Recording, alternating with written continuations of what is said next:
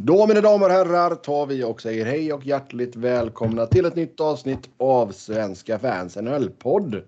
Med mig Sebastian Norén, Niklas Wiberg och Robin Fredriksson. Vi ska ta och gå igenom de senaste nyheterna från världens bästa hockeyliga. Vi ska ta några lyssnarfrågor och eh, sen får vi se ifall det blir någon tävling också. Men vi har en hel drös med kontrakt som vi ska diskutera här och eh, vi kastar oss in direkt och åker till Carolina där Andrei Svesjnikov kritade på en åttaårsförlängning. Capiten landade på 7,75 miljoner Niklas.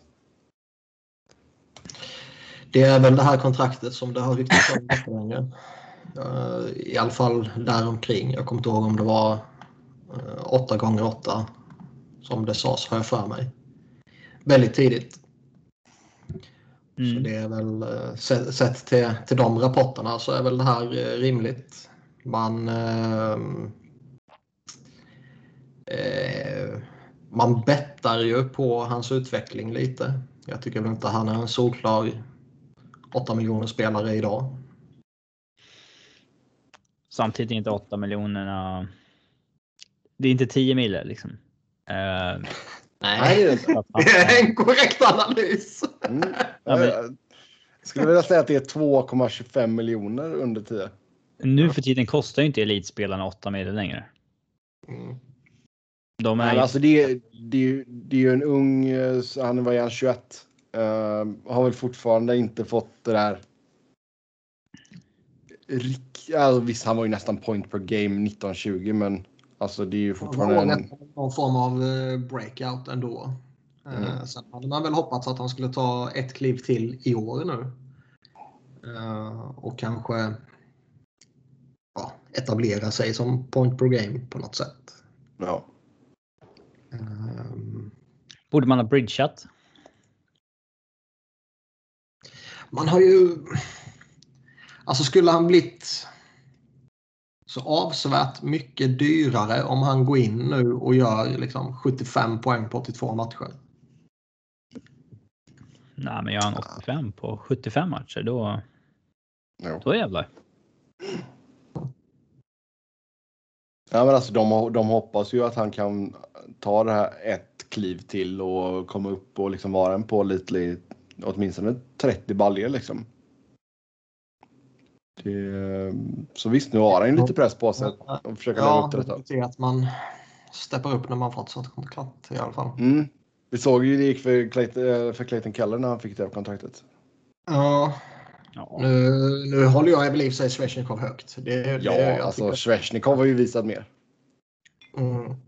Men det är ändå som sagt, man bettar på en utveckling och det är alltid ett, ett risktagande. Och vi kommer väl till ytterligare något sånt kontrakt så småningom som um, en utveckling behöver ta fart eller liksom hålla i sig om man säger så. Ja. Och, eh, ja, Dundon och kompani brukar ju vara lite restriktiva med att dela ut pengar. Så det här borde ju vara en jävla vote of confidence för Andrei. Absolut. Nej, alltså jag tycker att de har en jäkligt intressant första kedja där med Aho, Svesjnikov och Teravainen. Um, sen får vi ju se. Analys. Vad sa du? Ja, en god analys. Mm, tack, tack. Uh, sen får vi se då. Ja, sen får vi se då hur det blir här i andra kedjan då kanske att en viss Jesperi Kotkaniemi kommer in. Uh, Carolina offersheetade ju Kotkaniemi. Eh, Hämnd-offersheet var det några som kallade det för.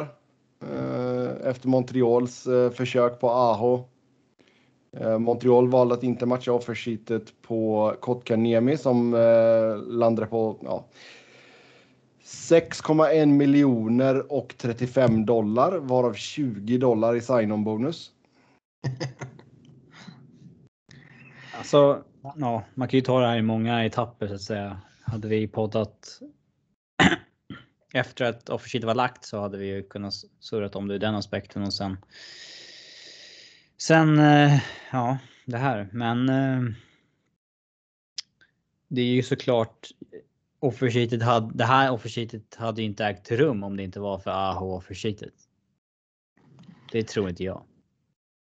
Nej, jag är nog beredd att hålla med, men... Ehm, jag tror fortfarande att de vill ha spelaren. Eh, annars hade de inte gjort det. De vill ha spelaren och jag tror... Eh, alltså det, det, det, verkar ju som att de ska ha pratat trade innan det här.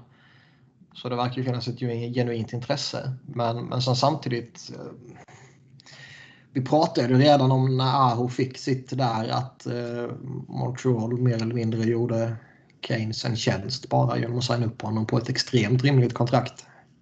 Det här var ju tvärtom. Det här var ju mm. ett dramatiskt kontrakt. Ja, Kotkaniemi tycker jag är en, en, en, mycket lovande spelare. Men han är ju ingen uh, 6 miljoner spelare. Nej. Och det, så, det, har väl snackats också om att de har, uh, de har diskuterat ett långtidskontrakt med honom som är mindre än de här 6,1 miljonerna. Mm. Um, och det, ja, man får väl se vad, vad det mynnar ut i. Men uh, lite... Alltså, lite udda är det med tanke på vad som har hänt i övrigt i sommar. Liksom där, där, där Keynes dumpar iväg en mycket lovande målvakt för att han vill ha någon miljon för mycket och dumpar iväg en av ligans bästa backar för att eh, han blev för dyr för dem. Och sen så överbetalar man lite på Kotkaniemi som jag visserligen tycker är lovande och eh, högst användbar redan nu. Men det är ju inte någon färdig produkt direkt. Nej, alltså jag tycker han visade ju goda tendenser under fjolåret, det gjorde han. Men det är absolut en, en spelare som inte är, är färdig. Um, och 6 miljoner Nej, då är det så konstigt väl... om man är redo att pröjsa för hand liksom. Men, men inte... Mm. uh, ja, eller, att, de inte, att de inte valde att betala för Hamilton, det, det är mycket märkligt. Det är det verkligen. Vi får väl se nu då ifall man löser ett till kontrakt här med honom. Jag, jag då kanske, att, då kanske han får eh, lite mer än 20, 20 dollar i sign-on bonus också. jag tycker att uh, Carolina tar en ganska stor risk här. Många tyckte ju att de har inte så mycket att förlora på det här. Jag tycker att de har alltså betalat första och ett tredjedelsval, vilket kompensationen är. Det är ju ganska högt pris. Det betalar man inte för vem som helst. Och visst, det är ju en kille som gick topp 3 i draften. Visst. Offer sheet pris ju. Uh, va? Det är ju det är ett lågt eh, paket för ett offer sheet. Billigt paket säger man kanske, inte lågt paket. Det är vad det är, eller vad, vad ska man säga? Det, ja. det är ett första och tredje. Mm. Men uh, i, alltså, jag, han, han, han, han har ju gått topp tre i draften, men uh, jag tycker inte att det är en topp tre i draften talang som var på marknaden på så vis. Uh, utan de är ju ganska beroende av här att han tar ett, ett väldigt kliv. Det kanske han har i sig, men. Eh, sätter argumentet att om han inte gör det så kan de trada honom. Och jag tror att han blir väldigt, väldigt svår att trada om han inte tar det där klivet med en prislapp på 6,1 miljoner. För man ska komma ihåg, även om det här kontraktet går ut så är ju nu nästa qualifying offer på 6,1 mille. Mm. För att behålla honom som RFA.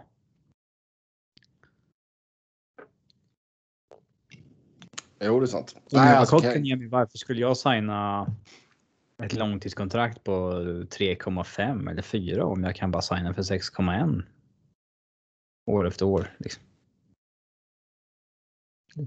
Ja, Nej, det är en högst relevant fråga. Någon, Men det skulle väl få ner det till 5,75 eller någonting. Det skulle väl kunna vara del av en, av en förhandling man gör med honom. Att eh, Ja, visst, han vill ju inte säga att han gör 10 poäng på 70 matcher i år. Då blir han ju bara, mm. släpper de honom bara som UFA. Ja. Uh, så att. Uh, Ja. Men jag menar, det är väl, det är väl inte jätte, jätteorimligt ändå att man börjar prata med honom och, och typ liksom att ja, men kom här och spela med Aho och Terveinen och kom till ett bra lag och så vidare. Och eh, Ska vi få det att funka så behöver vi droppa ett, eh, ett stort ettårskontrakt på det nu. Men eh, vi förhandlar även fram ett fyraårskontrakt med dig som är aningen lägre capita följande år. Men så här ser lönen ut som helhet över de fem åren. Det är nog ett rätt rimligt eh, scenario. Ja, man vill väl ha någon form av trygghet också om man eh, inte var beroende av att man kan ha ett off-år och då bli släppt som UFA. Men visserligen, då å andra sidan, då är man släppt som UFA i rekordung ålder. Det kan också vara attraktivt. Oh ja. Och vi vet ju att eh, en spelares rykte eh, i relation till draftposition kan ju sitta kvar väldigt länge. Alldeles för länge i vissa fall. Ja. Oh ja. Men alltså jag tycker ju på forwardsidan, Carolina ser riktigt bra ut. Alltså visst, Kotkaniemi må inte vara färdig, men det är en sån väldigt lovande spelare. Um, Ja, så han har nog bättre chanser att eh, blomma där än i Montreal. Men jag är absolut inte såld på honom. Om, om jag var Mm. Carolina så hade jag nog föredragit att haft det här ogjort så att säga. ja, gick ju... Jag tycker väl ändå Keynes eh, är... ehm, de är väl i ett läge där en användbar spelare är värd mer för dem än vad ett eller ett par är. Det är så, alltså ett första och ett tredje är väldigt högt. Det får du ju. Det kan ju få någonting riktigt, riktigt bra för. Ja. Det kanske han kan bli såklart, men eh, Mm. Uh, Jag gick tycker det är rimligt om att de, de går efter förstärkningar. Sen, sen kan man ju resonera fram och tillbaka om han är den rätta eller inte. Men eh, peta in något nytt kändes väl rimligt. Och nu ska de lira han som, som winger, verkar det ju som. Ja, exakt. mm. Så jag vet inte om han får gå in jämte Stahl då.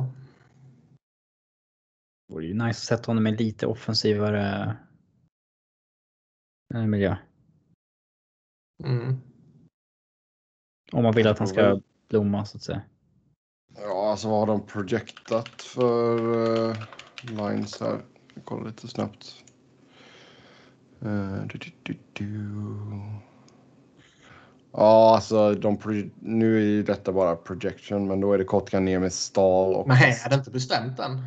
Nej, de har inte bestämt det i andra veckan av september. Vad sa du? Kotkaniemi, Stahl och fast.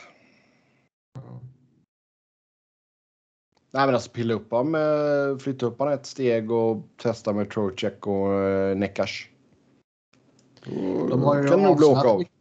de har ju avsevärt mycket mer att, att tjäna och kunna vinna på att eh, sätta Kotkaniemi i en sån roll än att lira Niederreiter där. Ja. Niederreiter är ju, han är ju vad han är. Men Kotkaniemi kan det ju ändå finnas ett steg till i. Oh, ja. mm. Men det är kul ändå att vi får ett offer sheet. Tror ni att det här eh, kommer öka eller minska chanserna till att, att vi ser offershit igen? Jag tror det är snarare tvärtom att det, det här kommer göra att vi inte ser det på ett tag. Jag tror det är nog. eh, Det är nog skitsamma faktiskt.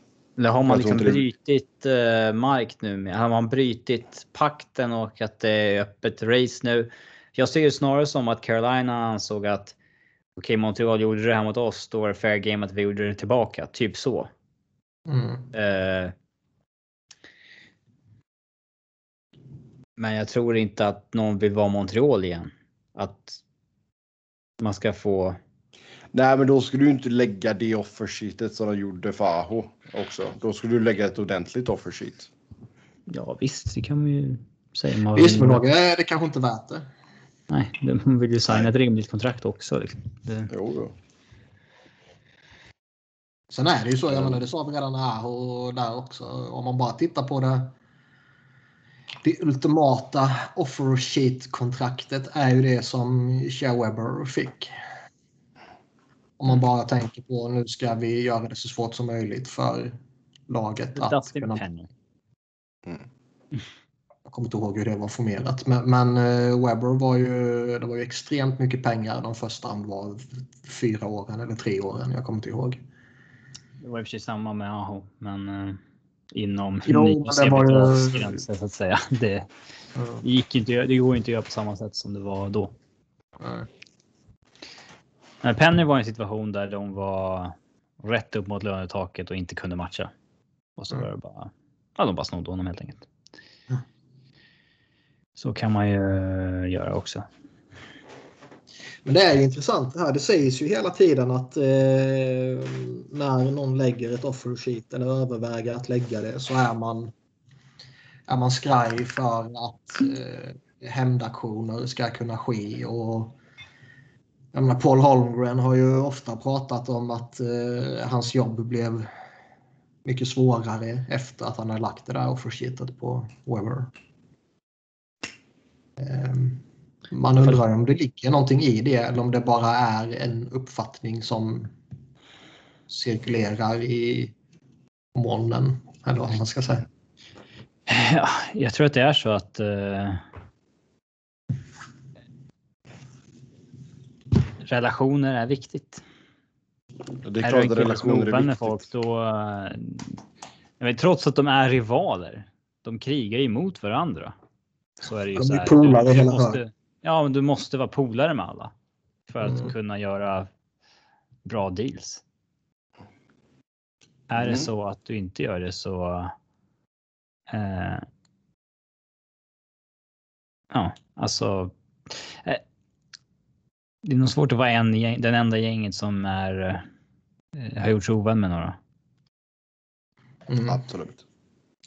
Ja, eh, Montreal, som sagt, man matchade inte Kotkaniemis offer sheet utan istället så gick man och tradade till sig Christian Dvorak från Arizona. Man skickade ett eh, första rundsval och ett andra rundsval i utbyte. Ja, alltså, till första tycker jag att man gjorde rätt som inte matchade. Eh, det hade varit eh, för dyrt och eh, knepigt lönetagsmässigt kommande år med 6,1 på Kotkaniemi nästa sommar också. Eh, Jag håller med. sen om Dvorak är en bra lösning, det vet jag fan. Du får ju in en spelare med Man betalar dyrare än vad man fick för Kotkaniemi också. Ja, och du betalar.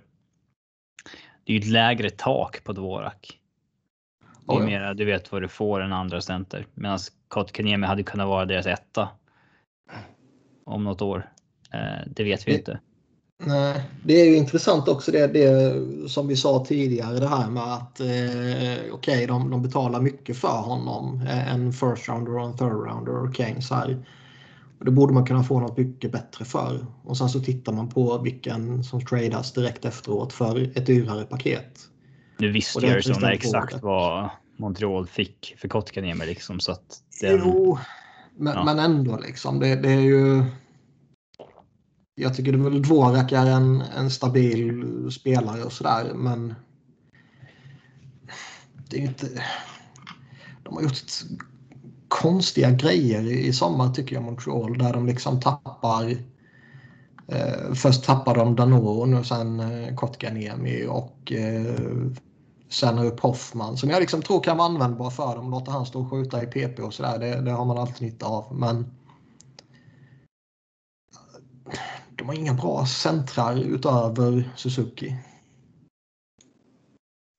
ska han nu spela 25 minuter per kväll eller? Ja, Det finns ju dessutom de som skulle säga att Dvorak inte är en center i första hand utan de, de skulle föredra ja honom på vingen. han, liksom. eh, han måste ju lira center nu. Ja, De men det är som när de tog in Domi och ja, han måste nog lira center. Liksom, ja, okej. Ja. Men jag menar, de har ju inga andra. Nej, jag tycker inte alls om uh, Bergevin och hans lagbygge utan det är väldigt uh, roulette över hans moves hela tiden. Ibland blir det bra, ibland blir det dåligt och det, det är en kille som bara wing Och även, han, även, även hans bra moves är ju dåliga. Ja, Eh, det är ju bara slump att vissa blivit bra. Ja, alltså- alltså Josh Anderson signade upp på det där kontraktet ju galenskap. Sen så gjorde han ju fina avtryck. Ja, men det där. Ja, vi får väl se om han. Alltså, han gjorde ju mindre än en, en halv poäng per match. Det har han ju Mm. betalt för att göra kan man ju lugnt säga. Mm. Vi får se. Ja. Sen eh, det florerade något rykte att Arizona ville ha två första val för Jacob Chychryn. Eh, men det eh, slogs ner sen. Elliot Friedman sa att han inte trodde på det i alla fall. Nej, och inte Craig Morgan heller. Men ska man trada Chychryn om man går in i en full rebuild nu? Nej, alltså det är ju, alltså, Är han för ung för det? det är ju typ den enda riktigt vettiga etablerade spelaren de har nu. Nej, de har ju massor. Men.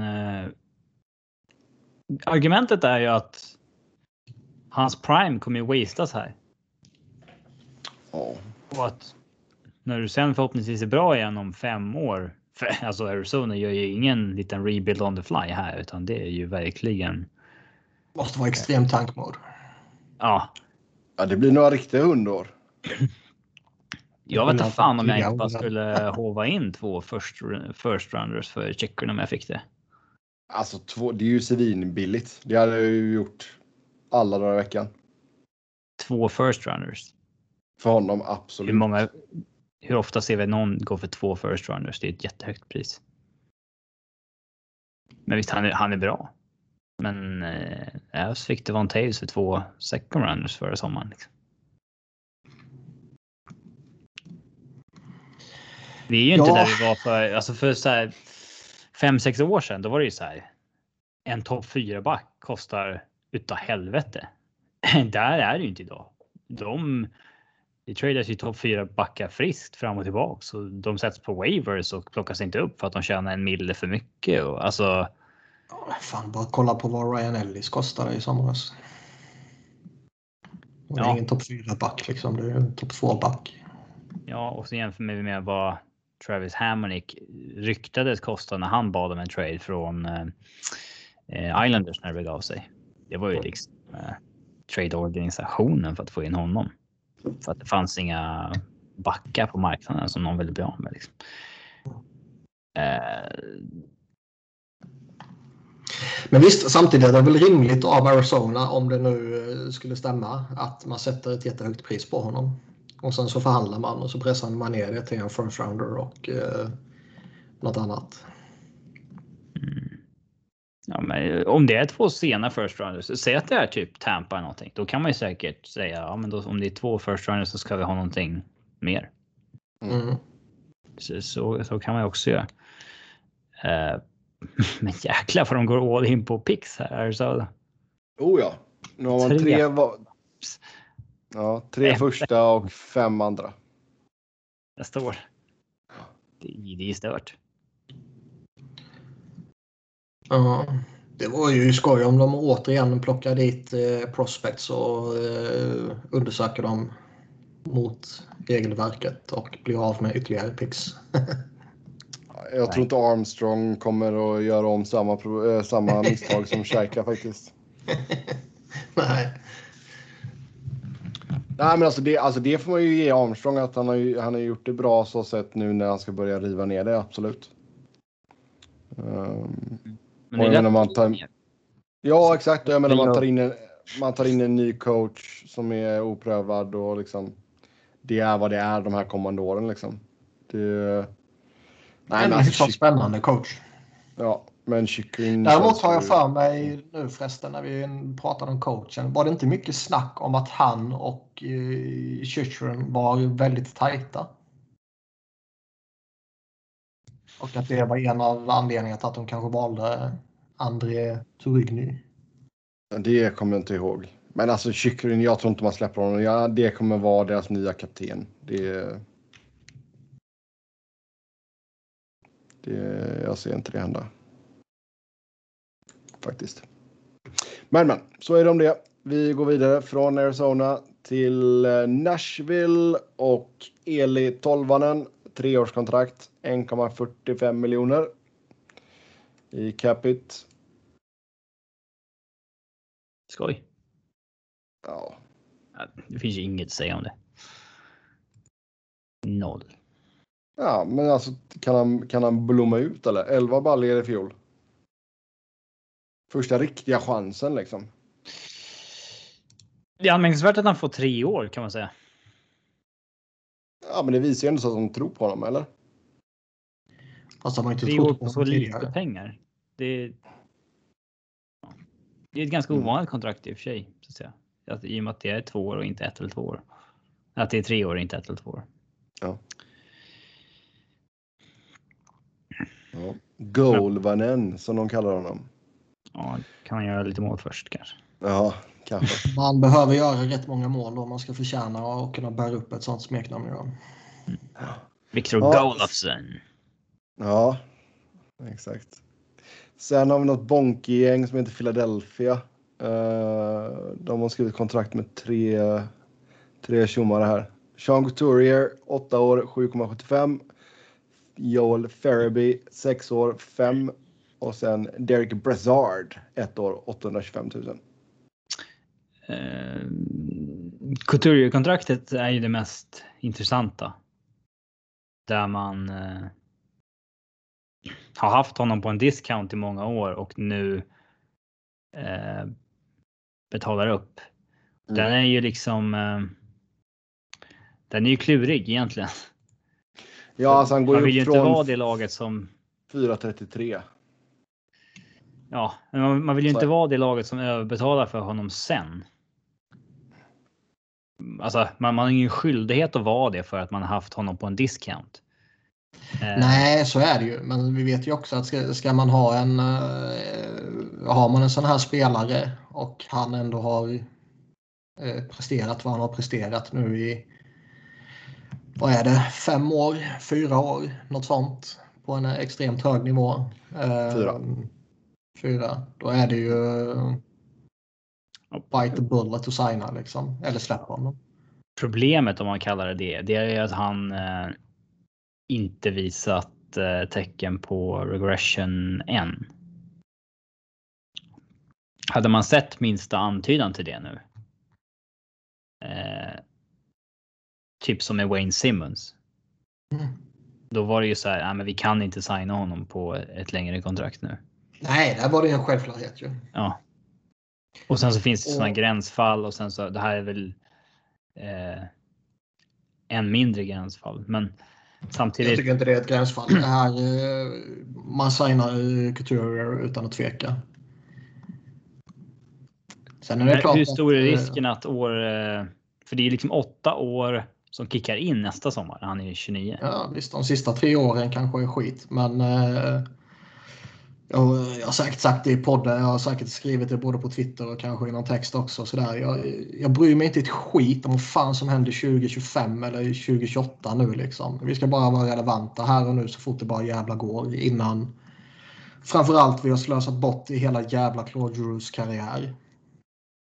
Eh, Chuck Fletcher sa ju att eh, den här organisationens riktning förändras avsevärt om eh, Couture skulle lämna. Och det är väl bara att skriva under på det. Skulle man tappa honom då kan man ju lägga ner förhoppningarna på att kunna vara relevanta igen. Liksom. Spelare går ju att ersätta. Det är inte. Visst, men eh, då får du ju betala något jävligt för det. Och jag, Ja, jag ser inte... eh, De, de kommande åren ser jag ju inte några som helst problem med att eh, Sean Couture kostar under 8 miljoner. Nej. Men exakt så här satt i och för sig och snackade om Scott Hart när han signade sitt kontrakt 2012. Det är bara Ja, att gå tillbaka och lyssna.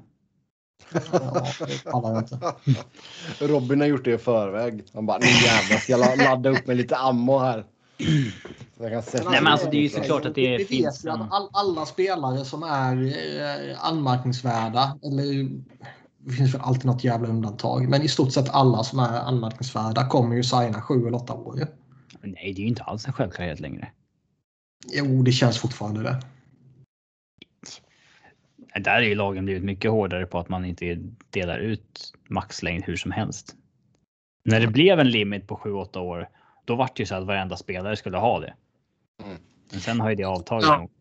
Ja, jag tycker fortfarande det är tillräckligt eh, uppenbart att liksom eh, de stora får det.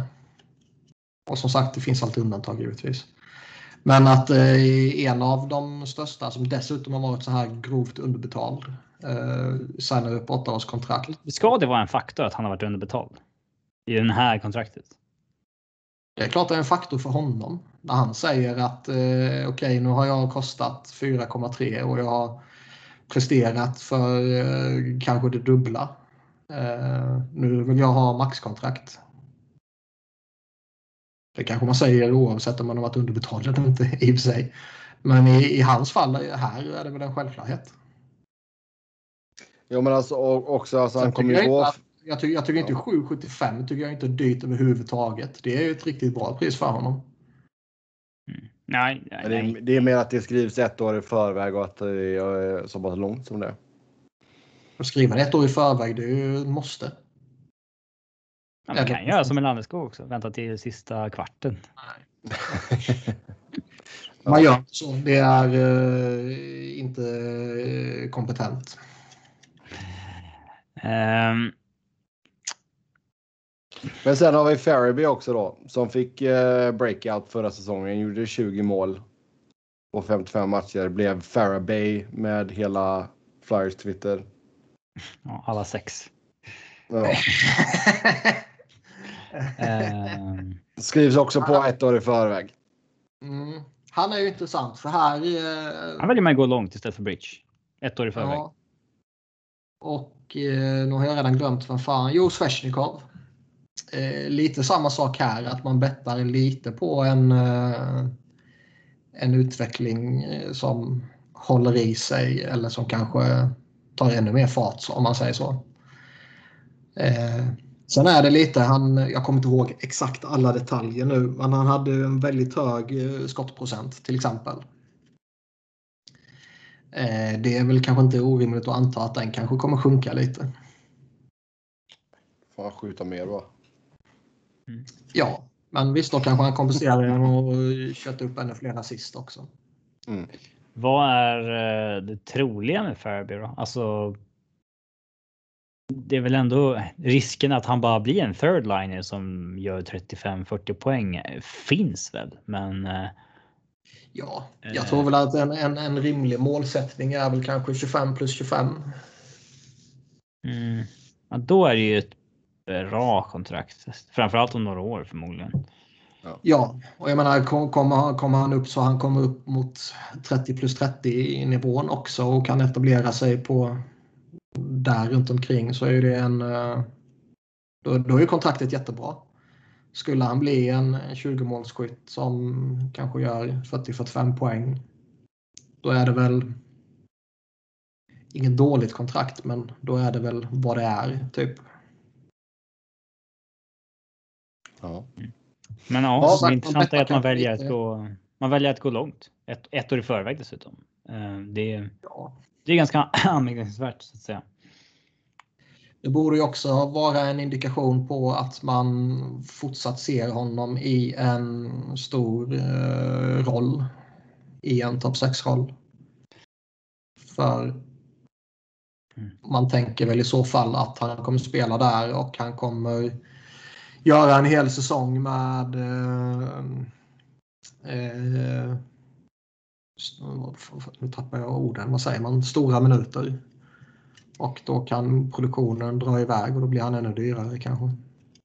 Det är, trenden senare år har ju varit att spelarna har inte velat signa de här kontrakten. Man har velat spela ut sitt rookie-kontrakt, stiga så mycket som möjligt i värde innan man signar det. Så det är snarare så att det är han som eh, kanske bryter mallen lite här. Och det, det är inte bara det att Flyers går, eh, väljer att gå långt istället för bridge utan att man sign, går långt ett år i förväg. Det, det är ju, det var nog länge sedan vi såg alltså va? Ingen aning alltså. Kanske hände förra sommaren med någon, men jag vet inte. Kan Det, känd, det, det var mycket mer vanligt förr vill jag i alla fall påstå. Mm, kanske. Jag vet faktiskt inte. Men jag tycker det är eh, som sagt man, man är väl lite beroende av att han eh, fortsätter ta fart. Men det kan man väl säga om alla 21-åriga spelare givetvis. Mm. Det finns fyndpotential här. Jag, jag tycker väl att fyndpotentialen är ju större än risken. Ja, skulle han kuka ur eh, så kan man ju köpa ut honom innan han är. Eh, alltså om han skulle krascha. Fullständigt ja. Ja. Oh, ja. Då skulle man ju kunna köpa ut honom. Så att säga sommaren eh, 2025 eller någonting. Mm. Till, un, till en tredjedel av kontraktet. Eftersom han inte Ja. har fyllt 26 än. Mm. Mm. Och sen en veteran i Dirk Brassard. Vad blir det? Hans eh, Han är nionde faktiskt, klubb. Ja. Nionde klubb. Han hade ju det här pissåret där han var i Penns, Florida och i Avs. Eh, Mm. Men både innan och efter det så har han varit en eh, alltså användbar djupspelare. Bra Ja, betalar nu. den här kom ju verkligen från ingenstans. Det kändes ju som att Flyers var klara och sen trillade han in för en vecka sedan eller vad fan det var nu. Och ehm, det går väl lite i samma spår som Fletcher har gjort hela sommaren. Att eh, blickar man tillbaka ett år så bettade Flyers hårt på att kidsen skulle eh, leva upp till förväntningarna och ta nästa kliv och hjälpa till och, och bära laget. Och sen när det inte eh, blev så så kraschade hela skiten. Eh, jag säger inte att det var enda faktorn, men en av faktorerna. Och nu är det ju jättetydligt att man eh, inte förlitar sig på det på något sätt. Man har signat upp eh, veteraner för djupet både på forwardsidan och eh, backsidan. Många förväntade sig att Cam York skulle få en mer eller mindre gratisplats och, och bli serverade till campen. Och så plockar man upp Keith Gandal där till exempel. Och vi har sett eh, Brassard och Nate Thompson här till exempel istället för att förlita sig på att typ en Morgan Frost eller någonting eh, bara ska ta en plats. Och skulle det visa sig att Morgan Frost är överjävlig på campen, ja då är det bara att dumpa ner någon av dem i AHL i så fall så Way, way blir det ingen kostnad på capen ändå. Nej. Men Brassard, är- alltså jag, jag är ju oerhört mycket mer nöjd med Brassard än med jävla Thompson. Brassard tycker jag är eh, användbar. Man föredrar ju nästan. För tio år sedan hade jag inte sagt så, men man föredrar ju. Lite skills i fjärde linjen för gnuggarna. Ja. Det ville man ju inte. Förut ville man ju ha en kött checking line på ett sätt, men coacherna om de får det kan ju inte hantera det. Nej, man kan inte ge dem sådana leksaker. De kommer ju bara förstöra hela skiten då. Det såg man med Vignon när han hade Thomson senast. Och det, det, var- det rantade jag lite om när de signade honom ju. Mm. Det är så jävla obegripligt hur man kan ta tillbaka honom när man såg hur jävla För coachen urkukat gillar det honom. var. Ja. Ehm, Alltså jag, jag har gärna en fjärde line med gnuggare, men jag vågar inte ge det till coachen. För då. Eh, han kan inte hantera det oftast. nej, nej, nej. Det såg man. Det var ju Thomson. Det var ju han som fick ta eh, jättemånga viktiga situationer i avgörande lägen i matcherna. Sådär. Det ska vara tekningar och det ska dödas tid och bla bla bla. Och, usch. Ja. Helt jävla obegripligt. Han har ju blivit 36 år också. Brassard är ju ung då på 33 bara. Hur många 36-åringar är ens bra? Jag menar, vi vet mycket mer om ålderskurvor och skit nu än vad vi gjorde förut. Det, det är bara att titta på hur, hur rejält spelare som Ryan Getzlaff och sådana tacklar av. Eh, Det är ju inte alls eh, spelare som Thompson, de är ju slut oftast i den åldern. Undantagen är ju typ så här Belmar och så här. som- de- är ju jättesällsynta. Ja, men eh, det kanske också, alltså, i hans fall så kom ju han in väldigt sent och även om han har en lång hockeykarriär innan han kom in i NHL så är det ju inte samma slitsamma skit att spela i Skellefteå och SHL som det är att spela i NHL. Alltså om man tänker på hur kroppen bryts ner. Nej, nej. Nej men det, alltså det tycker jag också. Alltså Carl Söderberg tycker jag. Han kom ju också in sent och åldrades bra liksom. Han, visst han hade det skitåret i Colorado när hela laget var kalasdåliga liksom. Men han åldrades ju också bra. Um, sen valde han i och för sig att åka hem nu men det är ju en annan femma. Ja fast nu var han ju slut liksom. Han hade väl kunnat dra till Han hade ett kunnat dra ett, till ett 800 års. Ja 800 000 visst. Ja. Men eh, Ja. Ja. det är det i så fall. Då flyttar Ja. man hellre hem till mammas köttbullar. Jag tror inte han är fattig och spelar i Malmö. Ja, Det är nog inte 800 000 dollar eller vad? Uh, Nej, men det är ju nog en eh, väldigt bra SHL-lön. Det var fallet. Ja, sen går vi till Chicago där man väljer att skriva nytt i förväg med Connor Murphy.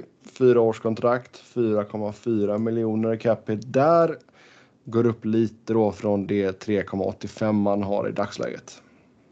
Det här är alltså.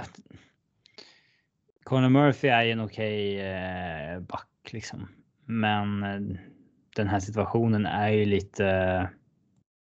Eller spelaren. Det är svårt när man tradades mot Niklas Hjalmarsson och så var, gick han och liksom vägrade åldras i Arizona. Eh,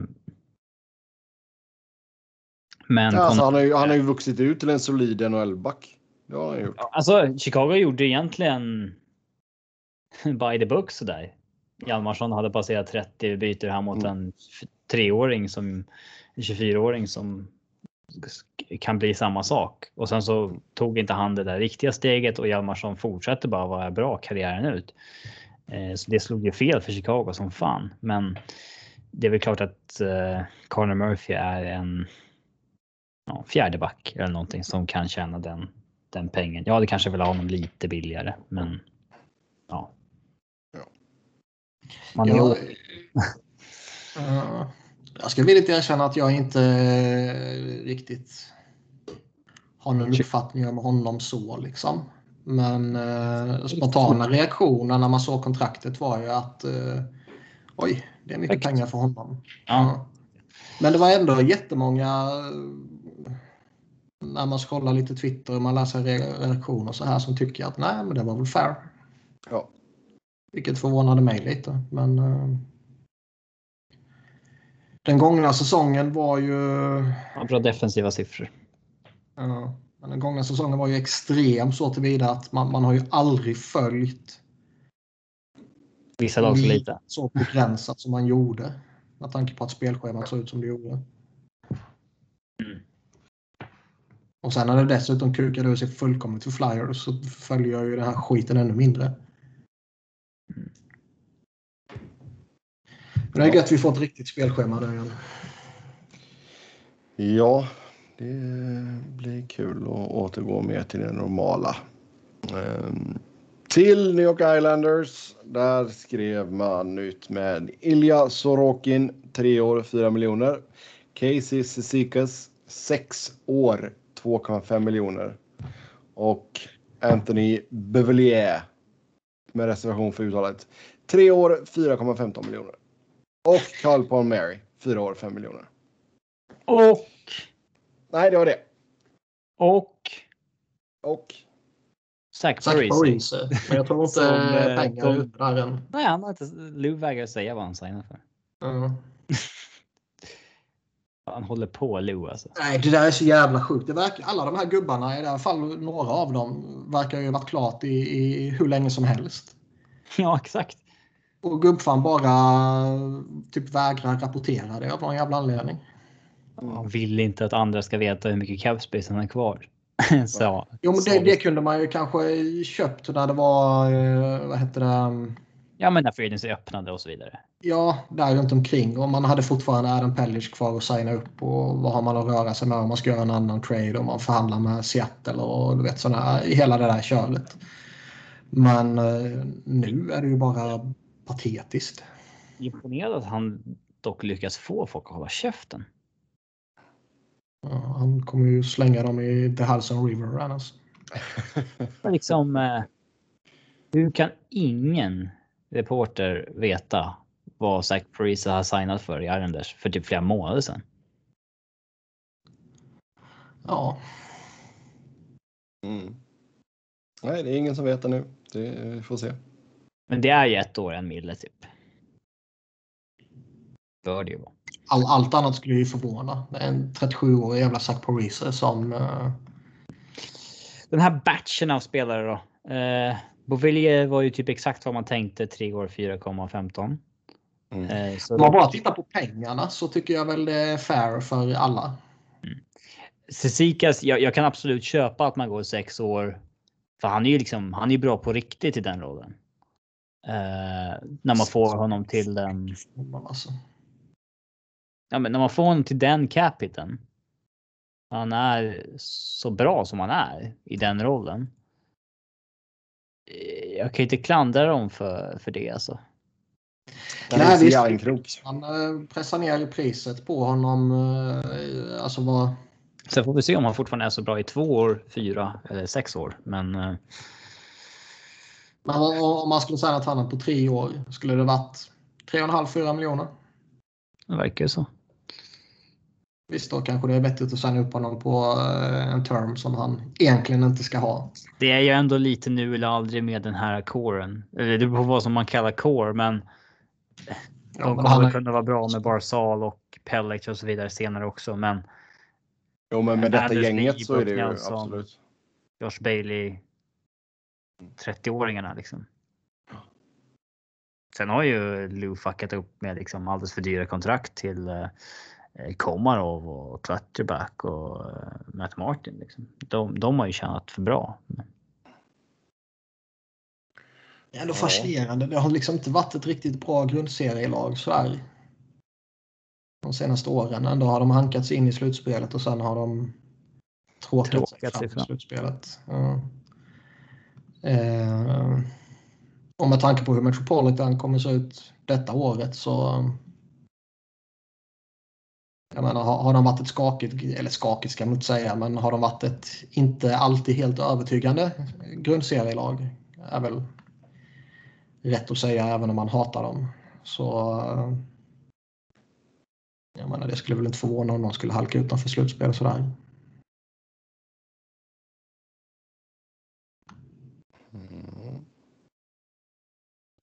Ja, vi får se hur det går för dem helt enkelt. Ehm, St. Louis, då har vi Colton Pareko, 8 år, 6,5 miljoner.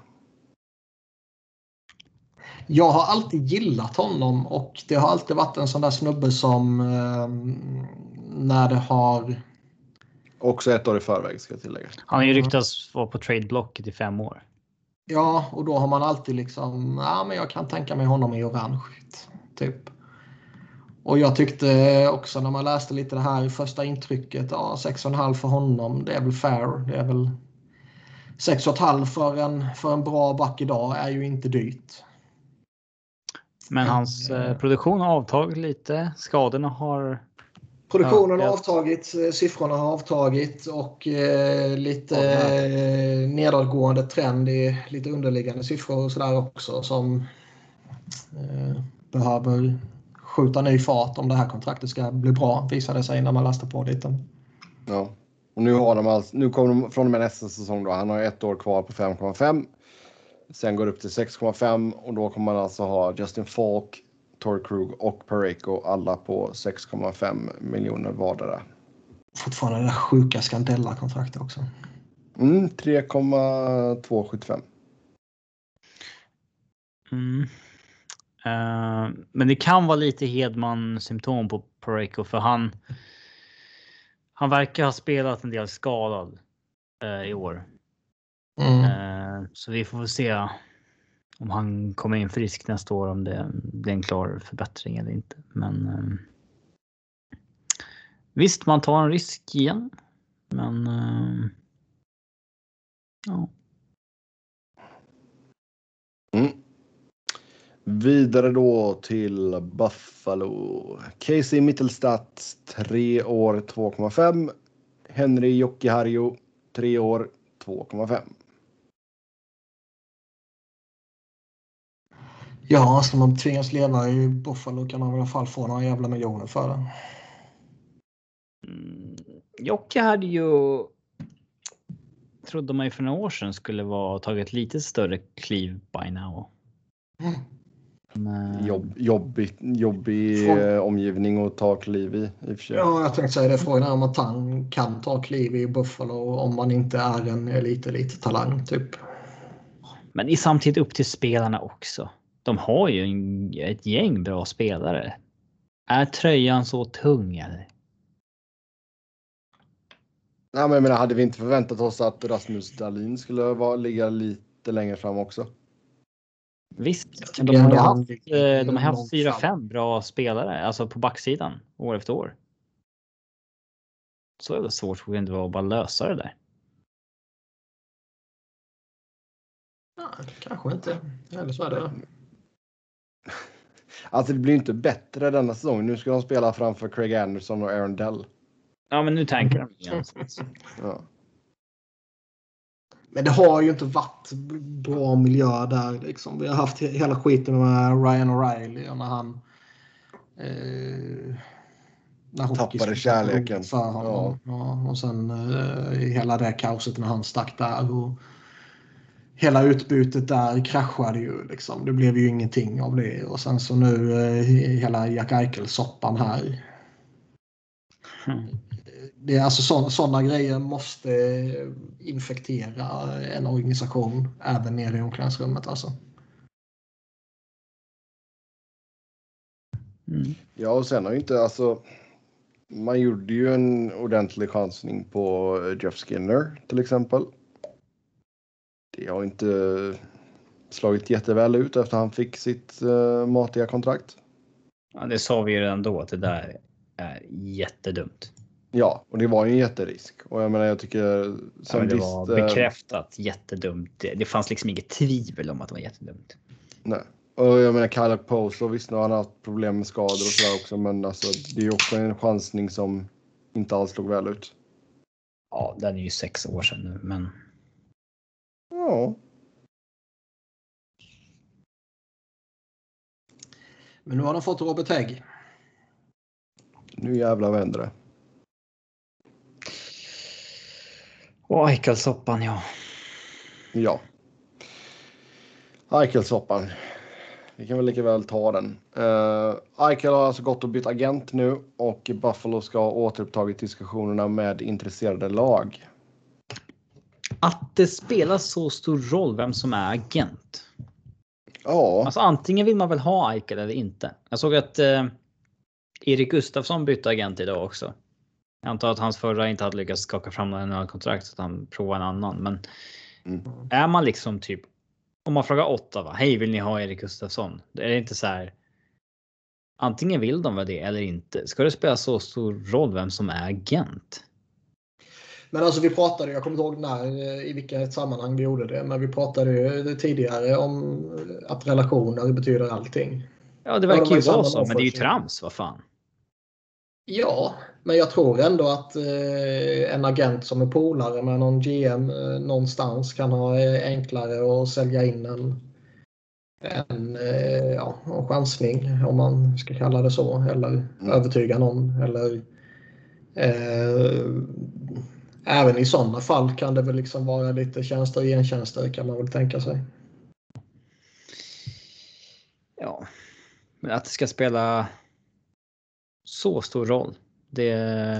Jag, jag, kan, jag, kan, jag kan tycka det är en väldig skillnad på, på de två situationerna. Att det, borde, det borde fan inte spela roll i Erik Gustafssons fall.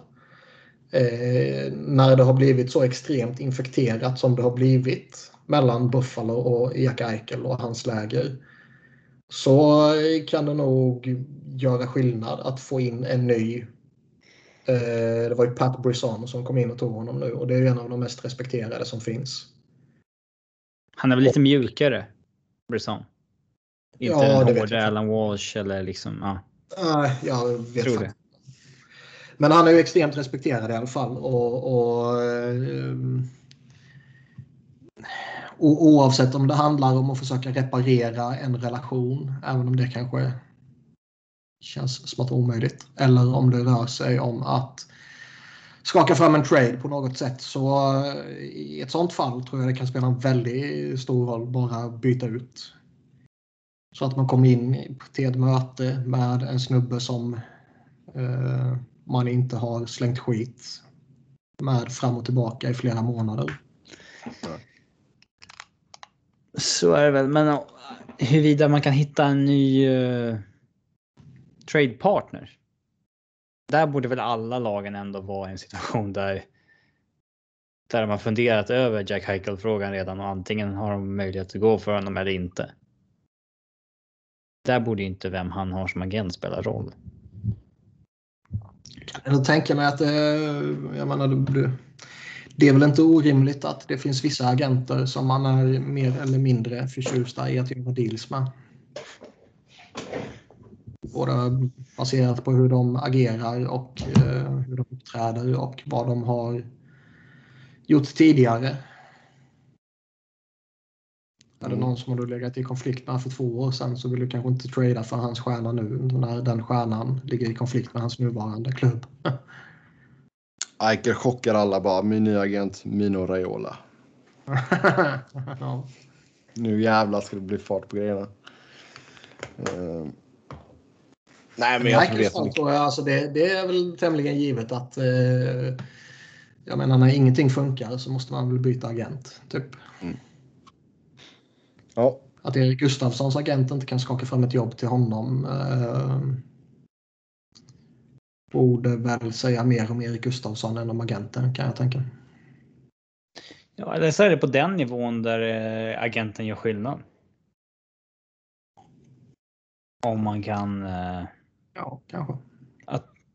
nu, nu snackar vi ju ett år, en mille på Erik Ja. Gustafsson liksom. Att där.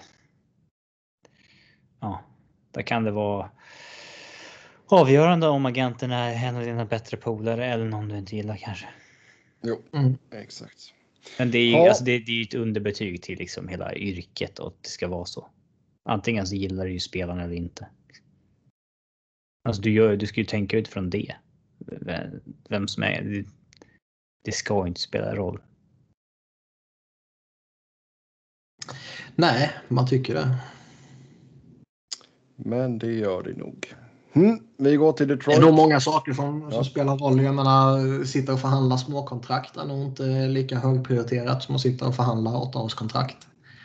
Om man tänker på eh, vilken ersättning man kan få och så vidare. Nej, nej, nej.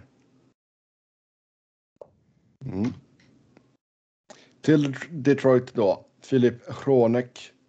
Tre år, 4,4 miljoner i capita för honom.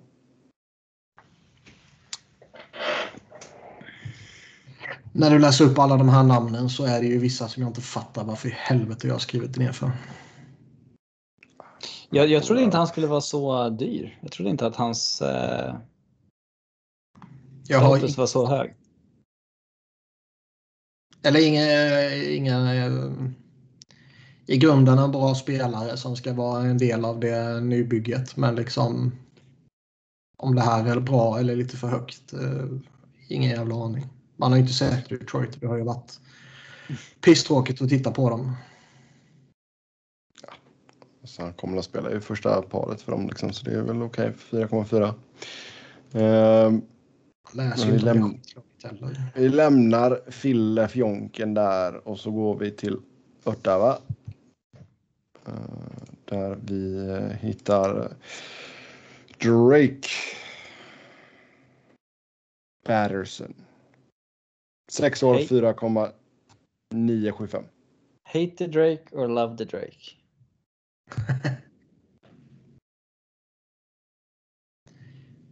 Jag tycker väl att han är rätt användbar. Har inte så. Uh, Ottawa har inte varit ett lag som jag tunat in och tittat på. Nej, verkligen inte. Men han landar ändå på 17 plus 17 på 56 matcher. Slut över en hel säsong så är det ändå eh, bra noteringar och värda det här kontraktet. Men här väljer man ju gå långt tidigt. Mm. Det är väl lite som det är med Faraby där också. Man bettar lite. På att han ska fortsätta eller bibehålla liksom. Och eh, landar han på det där 25 plus 25, 30 plus 30 så är det här en bra deal. Mm. Född i Fort Wayne, Indiana. Där har jag varit. Gratulerar. Ja, tack. Jag tack. säga att du känner honom. Ja, nästan. Ja, sen eh, Airgood Branson, Calgary, ett år, 1,95. Att Det är han klart är Calgary som signar honom. Det var ju inte spelbart ju. Sador of Good Branson i tredje paret där. Stora ont. stökiga. Mm. Det förvånar mig att hans eh, aktie fortfarande är så pass hög att han kan få närmare 2 mille. Mm. Han är väl fortfarande så pass att han liksom ändå ska ha ett NHL-jobb. Men jag Han har trodde. inte passerat den gränsen. Men eh, då ska det ju vara ett år eh, 800 typ. Ja, alltså Luke Chen eh, Ja. karriären. ja. Men det här är kanske sista kontraktet som är på den här nivån. Mm. Mm, vad är detta nu? Ska vi se. här. Florida, Vancouver, Pittsburgh, Anaheim, Nashville och sen Ottawa. Ja. Och blivit några klubbar. Ja, och jag menar det är inte en människa som skulle bli förvånad om eh, det går till helvete för Flames och han skickas framåt deadline heller. Det blir ytterligare en klubb. Mm. Japp, då eh, var vi klara med kontrakten där. Vi går till San Jose. Thomas Hertel ryktas vara missnöjd över hur eh, Sharks hanterar Evander Kane och att han kanske inte vill vara kvar. Källa. Källa, kolon, körschemat. Ja. Okej, Twitter. okej, okej, okej. Jag tror det var, eh, jag vet... Eh, vad heter Säger att det är någon av de stora nu så får vi använda nästa Svenska fans bingo. Där det, det var någon av de stora, säger Niklas. Ja. Det var, eh, jag vet inte om han är eh, källan så att säga, men det var The Athletics eh, Sharks. Kevin Kurtz. Ja, gamla Philadelphia-gubben som... Ja, han, han citerar ju någon uh, tjeckisk sida här. idns.cz. Ja, ja. Jag sa att det svettade förbi flödet från, från honom så att säga, men om det var han eller om han eh, plockade från någon annanstans, det vet jag inte. Mm. Men jag menar, det är väl inte... eh, Om det som har kommit fram om Evander Kane är eh, sant eller bara till hälften sant så verkar det ju onekligen som att han är ett jävla rövhål. Eh, både det här med eh, gambling, problematiken och allting kring hur han kanske hanterar i, ja, Sin skilsmässa. fru är det väl. Och allt där runt omkring. Sitt faderskap och så vidare. Ja, det är väl inte direkt orimligt att om man eh, delar omklädningsrum med honom och man känner till allting och eh, allting eller merparten också av det som har rapporterats är sant så är det väl inte orimligt att man föraktar honom och inte vill ha med honom att göra. Hertel kliver in på sitt sista år här på kontraktet. 27 år gammal, 5,6 miljoner i capita drygt. Har ju varit en av eh, Sharks ja, bättre producerande spelare. Eh, ja. Så jag menar det. är- Jag kan ju absolut se ifall han, alltså säg ifall Sharks inte tar ett ordentligt steg framåt. Det är väl klart att jag kan köpa ifall han är sugen på, på något nytt. ja, det är, det är en rimlig trade oavsett vad. Alltså.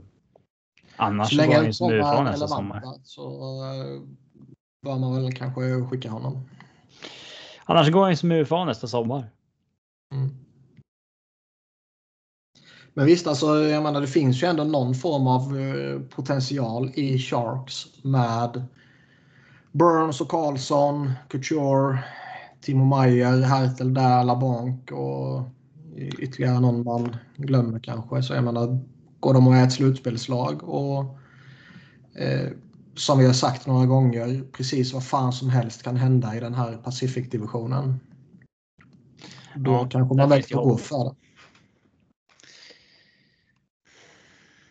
Mm. Mm. Eh, sen David Becker slutar.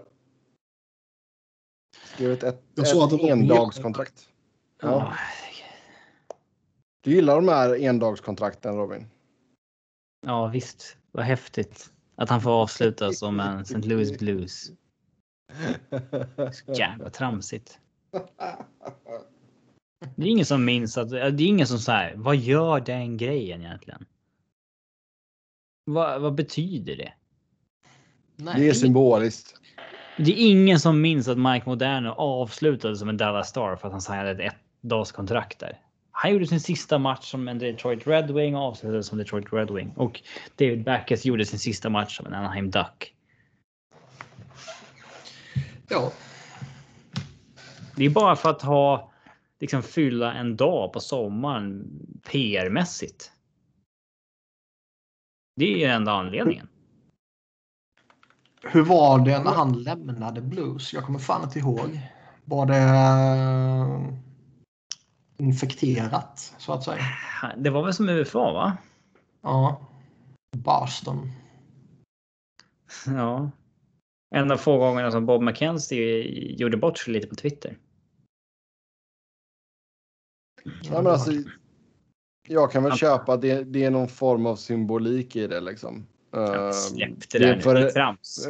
en, före detta lagkapten. Symbolik, det kan man göra eh, om, om Boston vill låta Ray Bourque gå i pension som eh, en Boston-spelare. Ja, blås på liksom.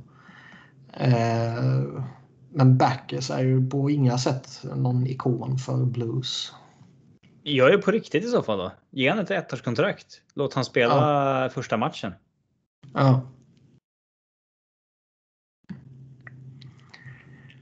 Vilka var det? Det var Montreal som gjorde så med... Vad fan var det? Här nyligen. Endagskontrakt. Nej. Thomas Plekanec var det va? När han skulle nå tusen matcher och sen när han hade gjort det så typ spelade han inte mer och flyttade väl hem. Har jag för mig. Mm. För typ två år sedan kanske. Minns Ja, jag. Ja. 15 år i ligan blev det i alla fall för Backes. 965 grundseriematcher. Han var en häftig spelare i sin prime. Men eh, inte heller oväntat att han tacklade av kraftigt efter 30. Nej, och lite efter uh, Wakey Wakey Backers. Ja, fast eh, alltså. Jag tror inte att det var. Vad ska man säga? Det är ofta.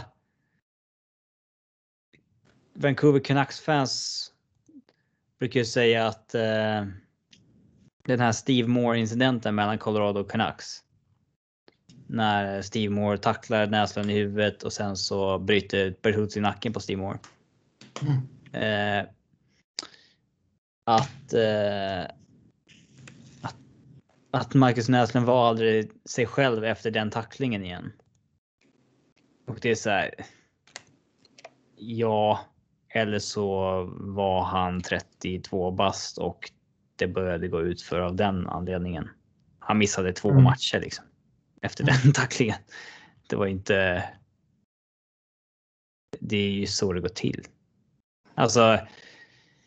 Det här var säsongen 03-04.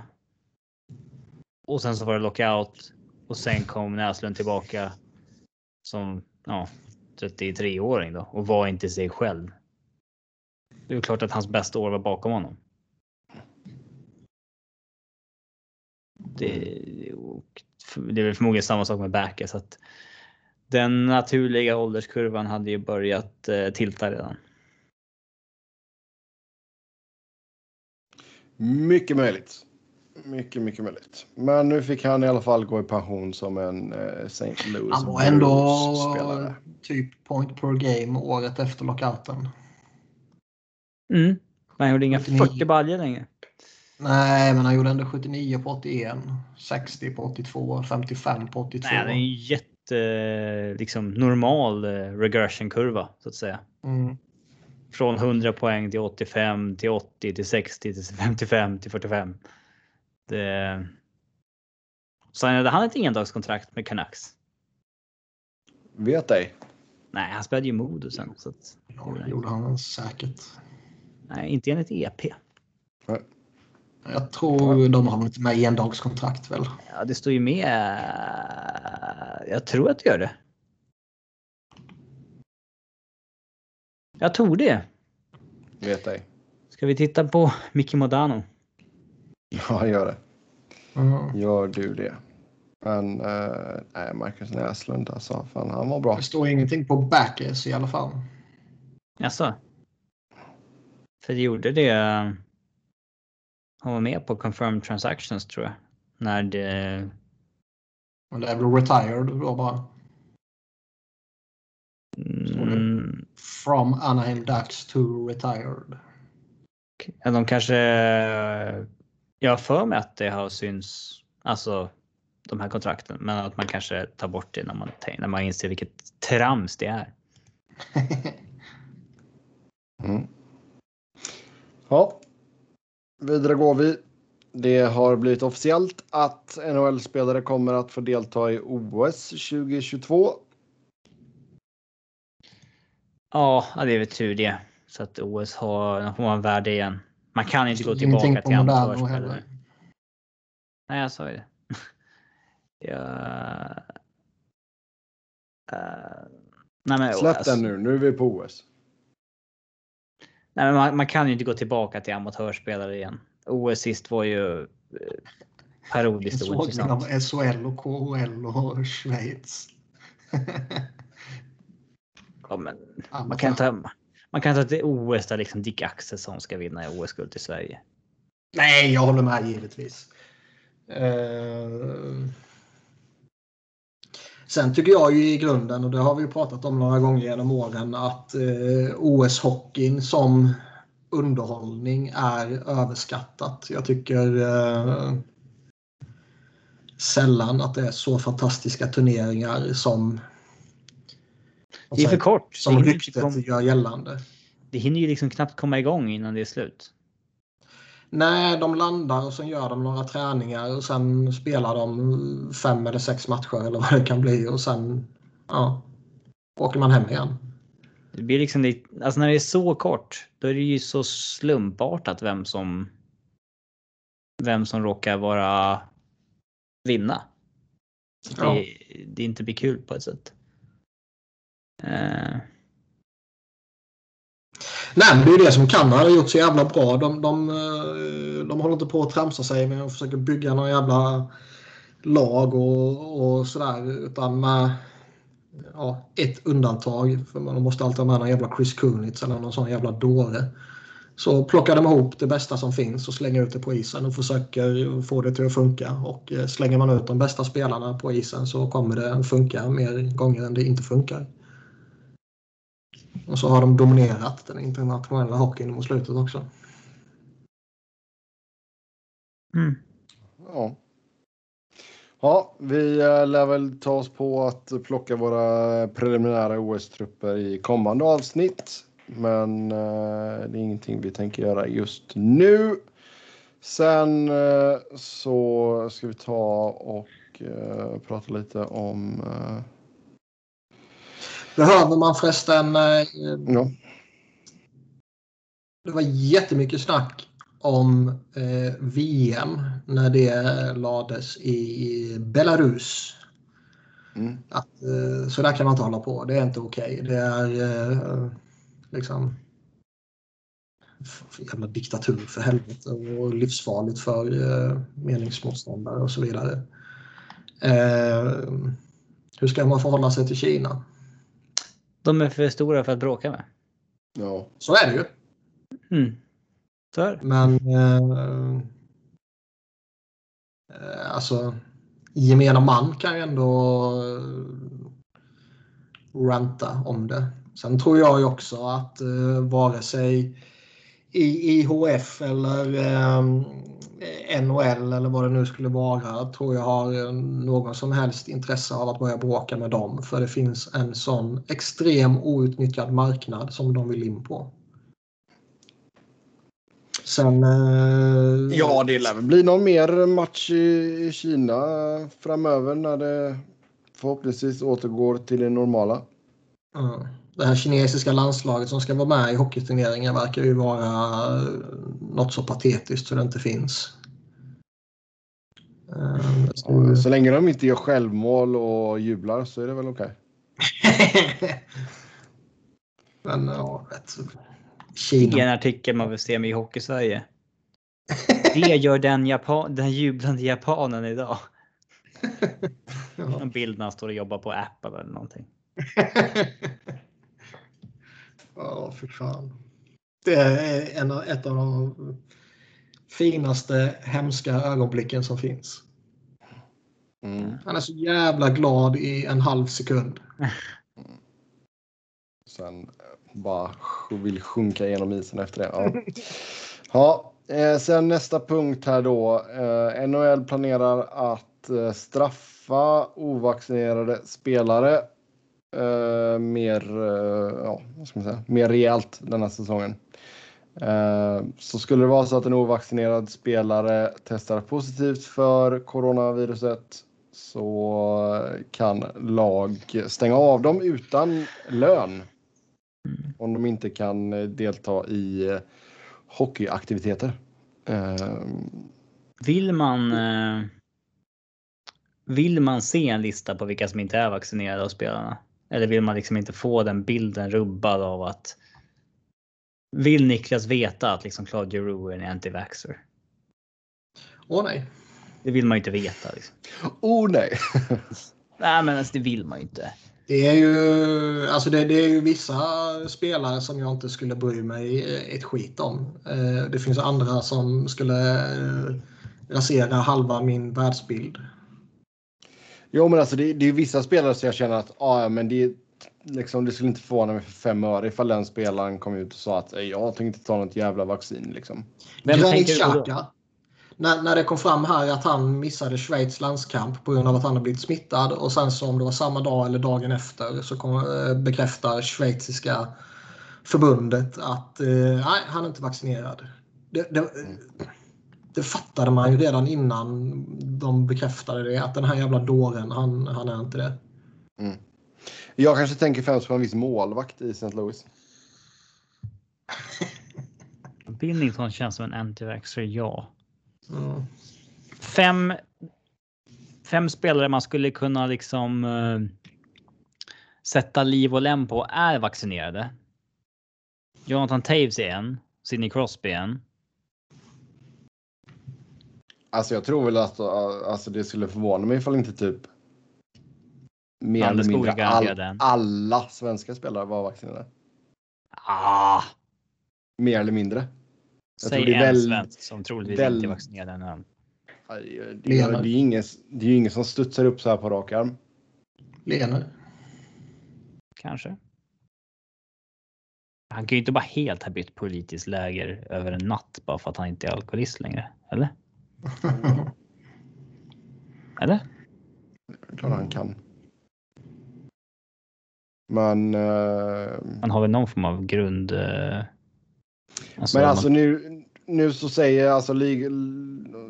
officiella källor från ligan säger att mellan 90 och 95 procent av alla spelarna kommer vara fullvaccinerade. Uh, ja, jag tänkte säga det. Innan man kan, campsen börjar. Säkert Eh, kanske hitta eh, någon av dem som inte är det kanske har fullt rimliga medicinska anledningar och de ska man inte hata på liksom. Nej.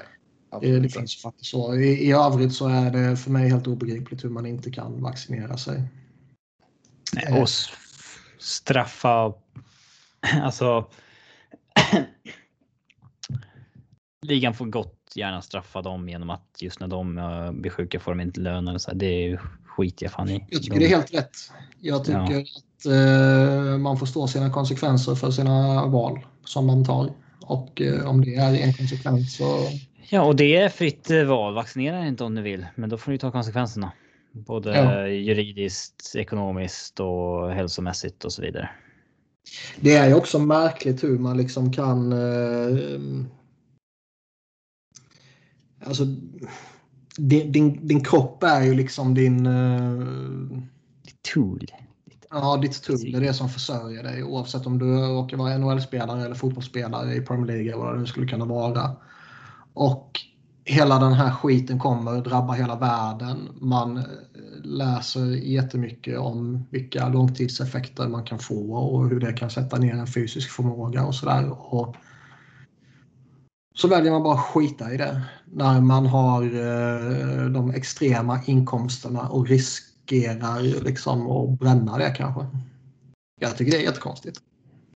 Ja, men, och samt, men samtidigt. Eh, visst, det finns ju de som eh, inte vaccinerar sig på grund av hashtag freedom liksom.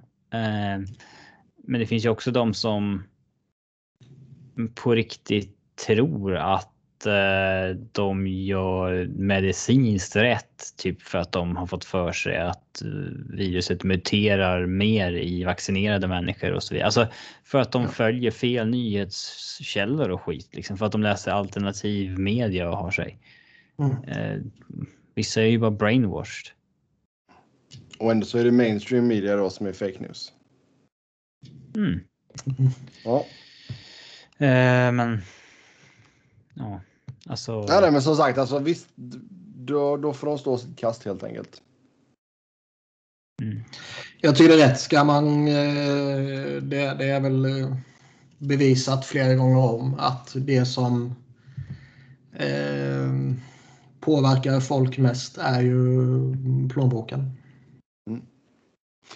Ja. Och vi sa, vi eh. sa väl inte det, men, men, eh, om en vaccinerad blir smittad så ska det bara behandlas som en vanlig hockeyskada i, i relation ja, till eh, lön och eh, avstängningar och frånvaro och cap eh, eller lönetak och så vidare.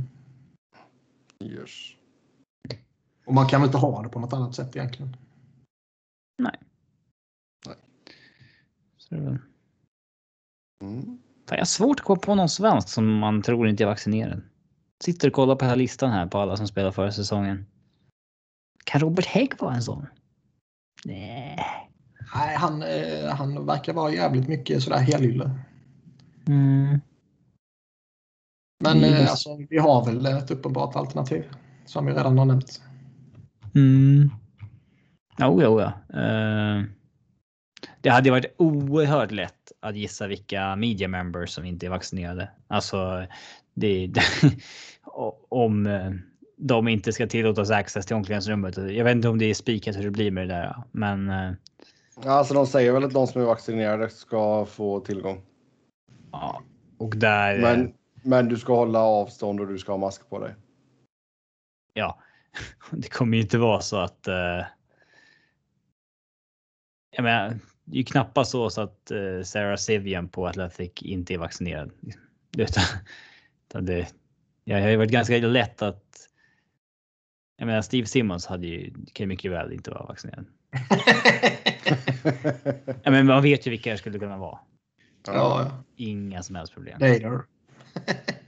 Jag tror att han har skrivit att han är vaccinerad. Eh, men. Det behöver inte betyda att han är Jag såg att han och hans eh, gamla Denver Post polare gnällde på Twitter över eh, de unga journalisterna som eh, på en presskonferens bara sitter med sin dator och skriver ner och inte st ställer frågor själv. De, de låter de andra göra grovjobbet. Är du en av dem Sebbe? Det, det är fan Nej. inga begåvade frågor som ställs på sådana presskonferenser. Och man vet ju att eh, skulle liksom 4, 5, 25-åriga journalister ta upp all tid Ja, så att Adrian då Dater och de inte fick ställa sina frågor. Då Ja. Då jävlar. blir det ännu mer liv ju. Ja, Ja, då, då är det liksom eh, let the old guys who know how to do it handle it liksom. Ja, ja. ja. Oh, ja.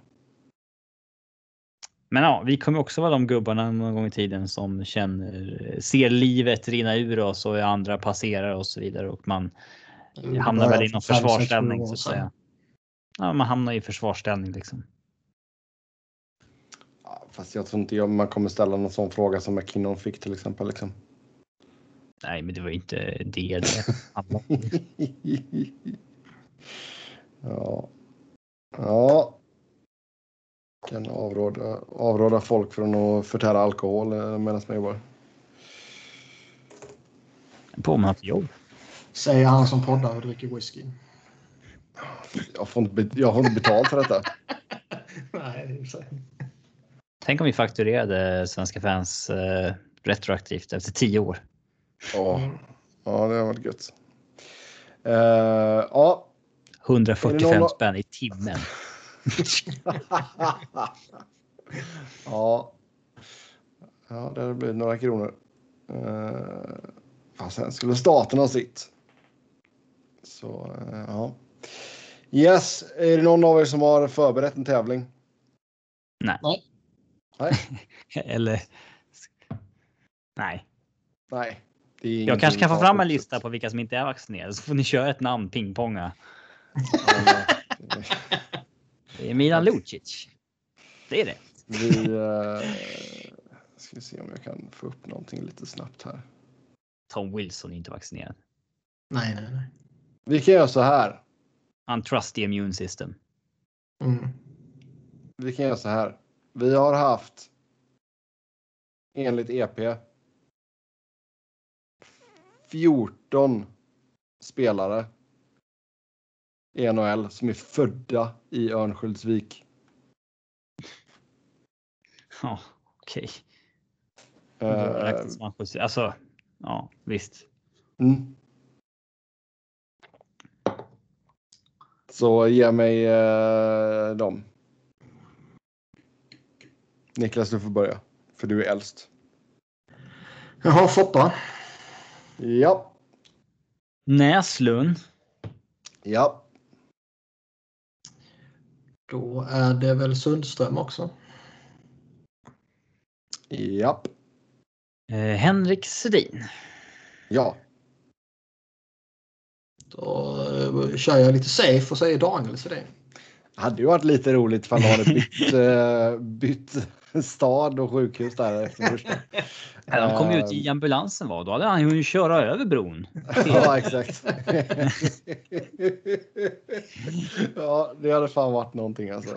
Ja, då har vi. Eh, då har ni tagit de sex som har spelat flest säsonger. Har vi tagit sex spelare? Har vi tagit? Nej. Nej, ja, fem. Förlåt. Eh, jag trodde ni hade tagit en eh, till där i topp sex. Um...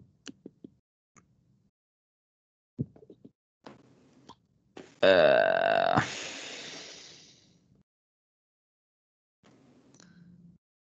inte är. Vem mer kan vara från Övik?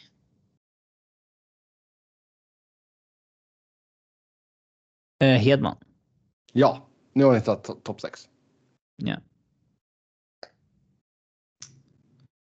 Kan... Eh... Man har ju några namn, men man vet inte om de är från Övik eller inte. Nej, vad fan det enda man tänker är ju Modokoppling. Ja, Eh... Zuccarello. Säg det nu.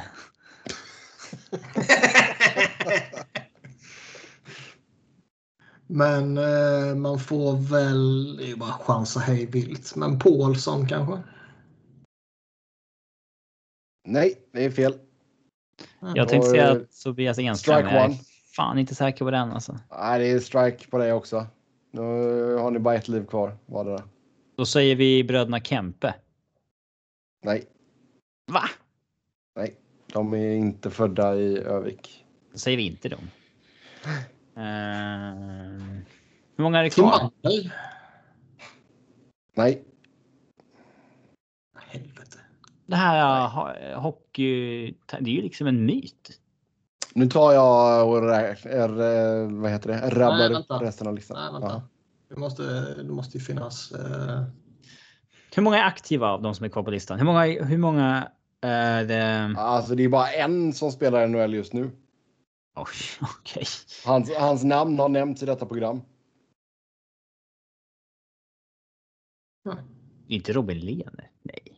Det är från Göteborg. Nej, han är från Göteborg. Robert Hägg. Nej, jo, va? jo. Vad sa du Niklas? Hägg. Nej, han är väl från typ Uppsala eller någonting. Ja, just det. Det är han fan. Edler har vi inte sagt. då. Nej, Edler är inte med. Nu säger jag resten av listan. Den som fortfarande spelar är Viktor Olofsson. Ja, det är sant. Eh, Sen har vi Anders, Grundström Hed då? Är inte. Anders Hedberg, Hans Jonsson, Lars Molin, Bo Berglund, Andreas Salomonsson, Niklas Nordgren och Pierre Hedin. Ja, det är inte en lista man kan ta. Det är det ju inte. Nej, nej. Det var ju ingen Så- på den listan man kunde förvänta sig att vi skulle. Ah, det är om någon av er hade verkt fram Viktor Olofsson efter jag sa att det var en aktiv som Ja, det är i det är den enda. Men Ja. eh, Ja, tror var Anders. Anders Hedberg, de här andra gamla gubbarna har man ju fan inte koll på var de kommer ifrån. Nej. Så är det med det i alla fall. de har ju glömt att Hans Jonsson spelade i NHL. Liksom. Ja, Och samma sak med Salomonsson. ja. Ja, men han, vad gjorde han? 70 matcher typ. Men visst, så är det med det i alla fall. Då fick vi in en liten tävling. Vi går till lyssnarfrågor. Nu när, ja, jag ska säga stort tack till er som har skrivit in såklart. Nu när Hawks fått Fleury på sitt sista år kan han vara den bästa målvakten Hawks haft sen Belfer. Belfer. Belfer! Bellan! Belfy. Nej, Corey Crawford var jättebra.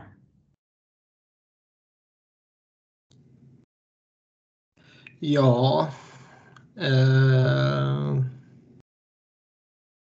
det känns som att vi har svängt om Crawford. Att vi när, när de var mitt uppe i skiten. eh, Att när han var bra, då sa vi inte det. Nu när han är dålig, då, eh, då har jag känt att han var nog fan bra för. Om man jämför med nu. Ja. Eh, Men jag menar Fl- Fleury har ju potentialen att vara bättre. Även om han är gammal nu. Historiken på 37-åriga målvakter är sådär kan man säga. Ja. Sådär. Ja. Den är sådär kan man lugnt säga alltså. Mm. Vi har ju sån recency bias kring målvakter och deras senaste säsonger. Det känns ju liksom bättre med Mike Smith att gå in i den här säsongen än det gjorde förra. Mycket bättre. Alltså varje... Eh, Ja, nej, sant. jag menar, Fleury såg ju ganska washed up ut för två år sedan. Mm. Han hade fått den där konstiga förlängningen med, med Vegas som så det här kommer de ångra. Så gjorde de inte alls det. Ja, fram till den här sommaren då när de ångrade och fick bli av med honom. Ja. Mm. Nej, jävla målvakter de har haft här när man tittar på listan. Alltså. Ja, vad har vi för höjdpunkter? Eh, Jeff Hackett, Cristobal Hue, Scott Darling, Ray Emery, Antti Niemi. Antti Ranta, Patrick Lalim. Cam Ward var det.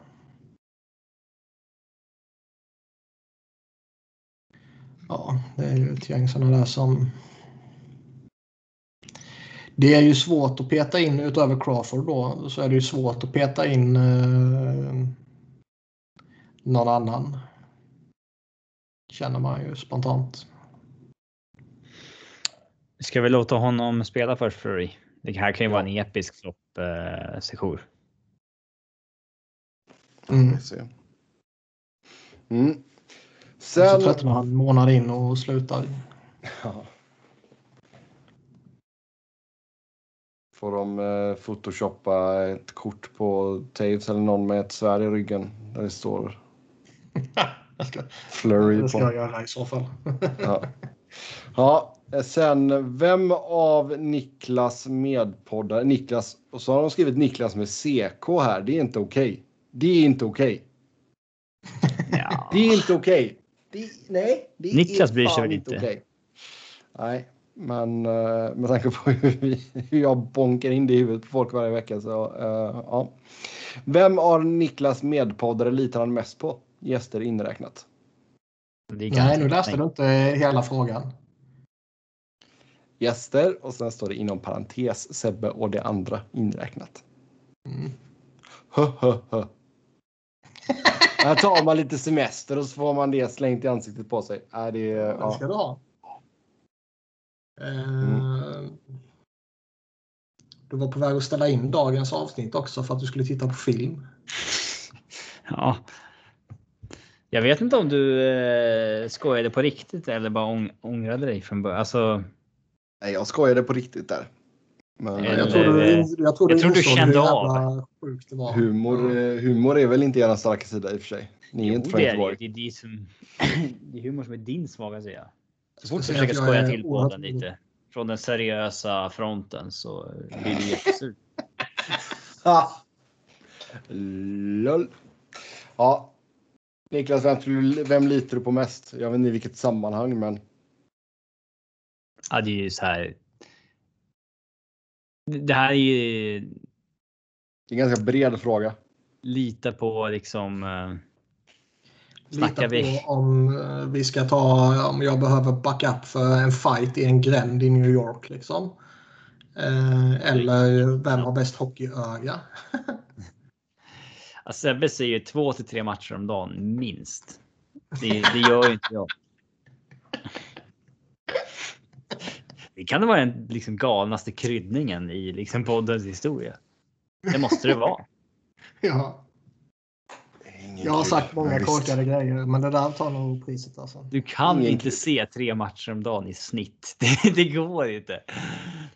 Två Har du liksom- till tre. Varför har du hakat upp det på trean så mycket? Ja, men okej, och då, om du snittar två och en halv match per dag. Ja. Och går du liksom två dagar utan att se en match då, då måste du kompensera med att liksom fyra och en halv i två dagar för att du ska upprätthålla ditt, ditt snitt. Helt otroligt. Jag får, bör- jag får börja logga mina matcher här. Helt enkelt. Eh, ja. Fick vi något svar då? Jag vet, jag vet inte vad man ska svara på den frågan faktiskt. Eh, Lita på är ju... Kommer du ihåg? Du har ju lyssnat på Offsides podcast Niklas, men eh, var det The Guardian eller någonting när de skulle beskriva Andreas Jakobsson i typ VM-guiden 2002? Är det något sånt där? Hur de beskrev honom i sin spelarguide. Eller om det var på en blogg. Eller något. eh, vad var det? Han skulle hålla tyst om jag mördade en hora eller vad fan var det? Nej, det var... Han, han är mannen man Va? ringer om man vaknar upp med en död hora på hotellrummet. Han städar upp helt enkelt. Ja. Så var Vem du på ur den aspekten? Hur kan Hur liksom... fan fick de publicera den? Det kan man undra. Jag vet inte om det Kan du var... ställa den frågan ens? Det var någonting om... eh, Jag vet inte om det var liksom... Det var troligtvis bara på nätet någon bloggare eller någonting som eh, beskrev honom så typ. Eh, Okej. Han städar upp helt enkelt. Det. Hopp. Ja. Då är ju då, då, är då den Vem av frågan. poddens gäster skulle jag ringa om jag vaknar upp med en död hora jämte mig? Alltså? Det är inte Emil. Han skulle tjalla direkt. Oh ja. För mycket moral. ja. Vad har vi haft med för några drägg? Måste man ju tänka här. Wernbloom gills inte. Alltså du. Nej, men han är nog den som eh, är mest kapitalstark och kan hjälpa på det sättet. Plus att han beundrar mig sjukt mycket så han skulle ju hjälpa mig. Ja. Ehm, Jag har inte haft så mycket gäster senaste året. Jag får tänka Max. ja. Jag tror inte Max är, eh, när det kommer till liksom röja undan döda horor, så tror jag han har vissa begränsningar faktiskt. Geithner kanske är det bästa alternativet. Ja, han... Eh, han och jag våglängd där. Problemet är att han skulle mycket väl kunna ha en egen död hora att ta hand om. Alltså att den, att den här frågan spårar så totalt. Men visst. Det är en fiktiv Ehm, hora Sebbe. Det, här, är- det, ja. finns ju, det finns ju inte. Nej, hon ligger jämte mig här. Ah, Sista frågan för idag. Via Play ringer och erbjuder spons. Niklas är den som måste läsa upp ett varmhjärtat reklaminslag i podden. Hur mycket pengar krävs för att Niklas tackar ja? Det här är på tal om hora. Nej. Niklas är ju, nej. Niklas är ju inte alls så dyr som man tror. Han skulle ju sälja sig jättebilligt. Tror jag. Eh, generellt, ja. Jag har ingen... Eh, jag har inte några moraliska begränsningar eller så liksom. Åt något håll. Vi skulle ju göra reklam för nästan vad som helst i podden för en ganska liten slant. Jag ska säga så, det finns väl några som, eh, som man skulle eh, bara, nej. Head and shoulders, nej. Eh, och det ju bara- Belarus. Belarus, eh, vad heter det? Board of Tourism. Det, det, det är ju lite Arsenal-vibbar där. Med Go to visitbelarus.com. Visit Cameroon. Ja. din första natt på hotellet gratis.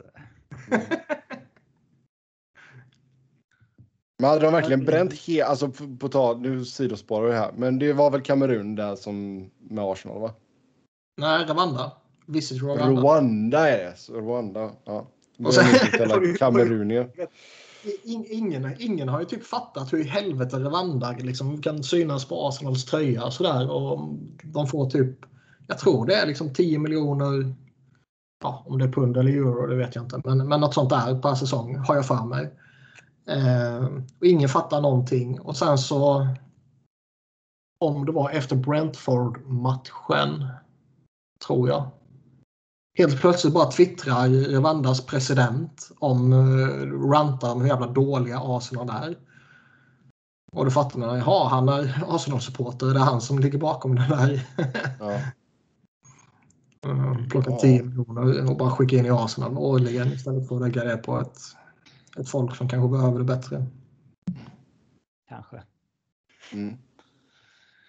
Ja. Eh, hur är läget nu med via Pl- Play? Hur är läget? Ja, men jag tänker liksom, var det inte de som sa upp de här abonnemangen och det? De uh, lurar och vilseleder sina kunder. Det är korrekt uppfattat. Det har myndigheterna slått fast så det är odiskutabelt. Så de bara sa upp ditt abonnemang och sen så var det liksom bara, ah, tough shit, nu får du betala mer. De sa upp det och eh, sen skickade de ett mejl till mig och eh, sa att har du ångrat dig? Och jag tänker att eh, jag har inte sagt upp någonting. Hur ska jag kunna ångra mig? Mm. Eh, hela skiten har ju hanterats eh, tämligen jävla värdelöst av dem och det har varit väldigt många som har varit väldigt upprörda på dem. Och ehm, eh, Ja. Om det är så Och det, är he- och, det är, och det är helt fel folk som får ta all den skiten också eller? Antar jag. Vadå? Nej men alltså det- är någon stackare som liksom sköter deras jävla Twitterkonto som inte har någonting med det beslutet att göra överhuvudtaget. Det skiter väl jag i. Då ska man, får man. Ja. Ja, ja. Ja. Eh. Har vi någon summa här Niklas? 50 000 kronor. Vad fan. Det är, det, det är klart man kan hora ut sig för allting. Sen finns det ju vissa gränser. Men eh, vi kan ju inte sitta här och säga en summa och sen kanske erbjudas den summan. Vi måste ju säga en mycket högre summa. Det är lite Lou här. Vi vill inte att folk ska Ja, veta exakt. hur billigt vi säljer oss. Exakt. Nej, exakt. Ja. Robin säljer sig för liksom en platta Pepsi. Det kommer vara som eh, en av alla Kramers settlements i Seinfeld när det är plus. I'll take it. Ja. I wanna hear what they're after plus. ja. Nej, jag tror att hade Robin fått betalt i Pepsi så hade väl han varit glad. Ja, alltså. Nej, men vi var. eh, Hur mycket? Nej, men menar, hur, hur mycket lägger du på Pepsi varje månad? Man får en liten gratisplugg här nu. Ja, jag vet inte. Säg att det är. eh, Snackar vi 500 kronor eller snackar vi 1000 kronor? Nej, men om vi snackar Sebbe-termer så snittar man väl två, tre om dagen burkar. Okej, ja. Ja, men det är väl två, tre om dagen. Eh, gånger 30 dagar. Då är det 75 burkar i månaden. Vad kostar de styck? 7-8 spänn. Kanske beroende på om man köper ett 24 pack eller 10 pack. Så att, eh, 500-600 då kanske. Mm. Man måste ju ha vätska för att överleva. Alltså man kan ju. Det, det är ju inte så så att man slänger iväg det på skit. Man måste ju dricka och äta liksom.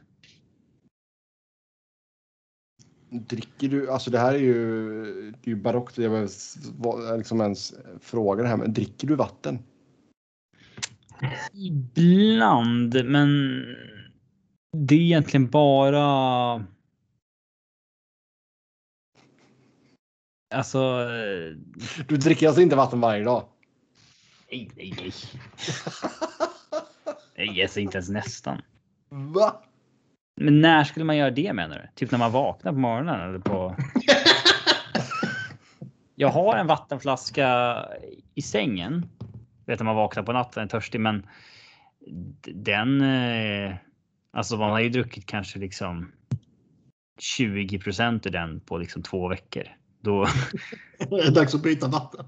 ja, då måste man byta. Alltså då får man ju slänga vattnet som var i. Som var kvar. Den går inte åt. Slänga vattnet som du slänger i isflaskan liksom. Nej, men vad, vad kan man? eh, En. eh, Vad kan, vad kan man dricka i vattenväg på en månad? En, en och en halv liter kanske. Nej. Men när skulle, när skulle Alltså, jag dricka hur- vatten annars? Alltså, det alltså de borde ju studera dig för liksom vetenskap alltså. Niklas, du dricker väl inte vatten heller? Jo, det är klart. Så när då? Ja, ibland när man äter, ibland bara... Mat så är det ju inte alls nice. Typ om du sitter och äter pommes och dricker vatten till så det blir lite så här ah, Ja. svampigt i munnen liksom. Ofräscht med vatten. Så visst. Och bara ha ett glas vatten på skrivbordet när man sitter och jobbar. Det är väl supervanligt. Ja. Glas vatten när man lägger sig i soffan och tittar på TV. Liksom. Glas vatten. Okej, det, det är kanske jag som är um, i minoritet. Ja, det är det. ja, det är det verkligen. Men jag köper ju inte det här med att man måste, för då hade man ju, hade man ju varit död redan i så fall. Om man måste dricka liksom åtta koppar vatten om dagen eller vad säger man? Jag vet inte exakt vad det är de rekommenderar att man ska trycka, trycka i sig varje dag, men det Jag är... ska se. Det är andra drycker också. Men jag tror väl inte Ja. rekommendationen att dricka två, tre Pepsi om dagen. Ja, det är vatten i Pepsi. Alltså det är inte liksom gjort på. Det är gjort på vatten såklart. Normalt sett behöver vi dricka en och en och en halv liter. Ja, exakt. Jaha, per Ja. dygn. Ja. Ja, exakt. Och jag, tycker att jag, jag, jag tycker att jag kan vara dålig på att dricka vatten ibland och då kanske jag får i mig en liter om dagen. Jag skulle kunna ha. Eh, jag skulle kunna kolla en månad hur mycket vatten jag dricker, men eh, Ja. det går ju liksom inte att. Eh, jag menar. Nej, men det är klart att, alltså, det, är klart att, det går, alltså, att det går att inte dricka vatten och fortfarande överleva om du dricker andra drycker. Liksom. Alltså, men, jag- fan, förr i tiden så drack de ju bärs bara för att vattnet inte gick att dricka. Liksom. Mm. Så visst. Det är svårt att mäta hur mycket vatten man dricker dock. Alltså. Min lägga. eh, drack ju typ inte vatten. Han, han brukar alltid säga att vatt, vatten tvättar man sig. Eh, Så det han brukade, mormor och morfar där liksom, det var alltid när det var middag och sådär, det var liksom eh, mjölk eller juice eller någon sån här måltidsdryck eller eh, någon sån här du vet, cider man köper på Ica typ liksom. Tyvärr så tycker inte jag att Och det var ändå en, en, en, eh, en atlet, gammal militär och orienterare och sådär. Så det var inte så att det påverkade hans fysik. Han vill ha kalorierna där vet du. Mm. Nej, tyvärr är ju amerikansk mjölk jävligt äcklig. Eh, så jag dricker ju Jag typ tror aldrig... aldrig faktiskt jag har vågat dricka mjölk när jag har varit i USA. Nej, så jag, alltså det är, jag dricker typ aldrig mjölk bara rätt upp och ner här. Dricker du Oatly? Nej. Prova. Nej. Nu, nu när vi pratar om det så är det nog det som man fruktar mest i USA. Oatly? Mjölken. Mjölken. Ja. Det kunde vara, jag kom, fan, jag kommer ihåg när man, ibland när man var nere i typ Grekland på eh, sommarsemester och sådär när man var ung. Du var såhär, drick inte vattnet Niklas. Ja, nej, det- köpa, nej. det här skulle man ju köpa vatten. Herregud. Ja, köp, köp på flaskan givetvis. Men när man Ja. eh, typ ska dricka mjölk och sådär till, till någon frukost eller vad det skulle kunna vara och så får man typ fårmjölk. Det var, det var sjuka grejer alltså. Kanske är jättenyttigt med fårmjölk, ingen aning. Ja, Det vet vi är vana att dricka något annat. Det... Något annat, vet du ens var mjölk kommer ifrån? Ja. Men jag, jag var en sån där som Ja. slutade dricka. Jag var en sån här rebell i skolan som var så här. Jag tänker inte dricka mjölk. Jag slutade med det i lågstadiet. Liksom. Så att eh, jag har inte druckit liksom ett glas mjölk förutom liksom i och boy sen jag var ja, sju bast liksom eller någonting. Åtta, nio kanske. Ja, Jag tycker jag ändå tycker vi har pratat om några intressanta grejer här idag med offer sheet och liksom lite couturier och Faraby som är intressant för mig och ytterligare sådana här grejer. Men de- det är de här sista tio minuterna som är allra mest fascinerande med idag. Mhm. Nej, men jag tycker alltså mjölk går ju liksom, inte här nu då, men hemma i, hemma i Sverige så liksom, då funkar det ju bra med vissa maträtter. Liksom. Då var det bara, ja men ett rejält glas mjölk till detta. Det blir kalas. Köttfärssås och pasta och glas mjölk är fint.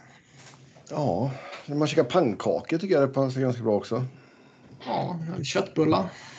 Mm. Korv stroganoff. Korv stroganoff. Mm. Fast det gör man ju inte själv.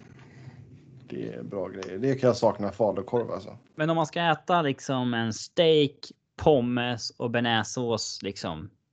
Ja, då tar du ju ett glas vin eller en öl.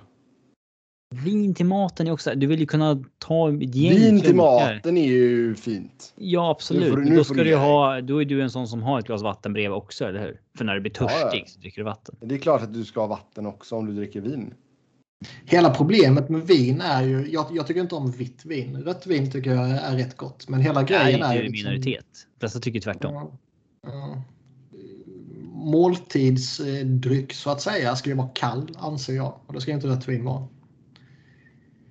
Inte. Eh, nej, det faller ju lite där. Och gå på ett rosévin då. Det- Mm. Men rosé är antingen jättegott eller jätteäckligt tycker jag. Man behöver träffa rätt där. Man behöver vara in the Mm. right mood. Ja, nej, Ska vi göra det i stämmer. liksom? eh, Ska vi göra det i maratonpodden sen? Att vi bestämmer oss för att liksom sista timmen, då börjar vi kröka så in i helvete. Alltså, jag tror du skulle säga första. Ja, Det första. får väl se. Får väl se. Får man väl- första sex, Då får man väl nog knäck, knäcka en fin whisky eller vad tror du Niklas? Eh, ska man ta med hela flaskan så vill jag nog ändå ta en full whisky. Ska, ska jag föra? så- Jag köpte ju en eh, Lagavulin 11 år Nick Offerman edition här nu häromdagen. eh, Speciell edition. ja, verkligen. Och den, eh, han har gjort en special edition tidigare som jag inte fick tag på. Men eh, så gjorde han en ny nu för det, jag tror det var för 2021. Eh, där den, de eh, lagrar den i Guinness-tunnor. Mhm. Eh, Bra om man gillar eh, riktigt rökiga grejer. Nick Offerman. Inga sökträffar på systemet. Ja, dåligt. Mm. Dåligt. Då, eh, Har, ja. har ni några förslag på hur jag ska kunna föra någon form av vattendagbok då? Måste ju finnas en app för det eller? Måste ju finnas. Vad en gör app. du med ditt Instagramkonto längre? Ska jag typ anteckna hur många klunkar jag tar kanske? Alltså det, det smartaste är väl nog nästan att du häller upp det i typ en halv Att jag, liters att jag flaska. tar. Att jag tar tre stycken eh, två liters flaskor med vatten, ställer i kylen en månad och det är bara de jag får ta ifrån. Typ så. Ja, typ. Men det vattnet blir ju inte vatten fräscht en månad. Nej, Mm. exakt. Pro- Problemet blir ju om jag liksom tar en flaska en och en halv liter. Sen så är den för gammal innan jag har druckit klart den. Då måste jag tömma ut det. Då är det svårt att mäta hur mycket jag har. Då får, varje gång du dricker vatten så får du hälla upp det i ett mått helt enkelt. Fast då måste man ju dricka ett helt deciliter. Alltså du får ju ha ett mått som, vi, som har mer än bara en deciliter på sig. Jag menar, jag kommer inte dricka en hel deciliter när jag dricker. Nej, men jag menar den, den får visa lite mer. En deciliter vatten är skitlite. Ja, det är i och för sig. Det är en klunk. Fan. Äh, vad har du på Lagavulin? Du har inte så jättemycket där du. Va? Du har 16-åriga. Och sen har du en 8-årig. Snackar vi whisky nu igen? Mm.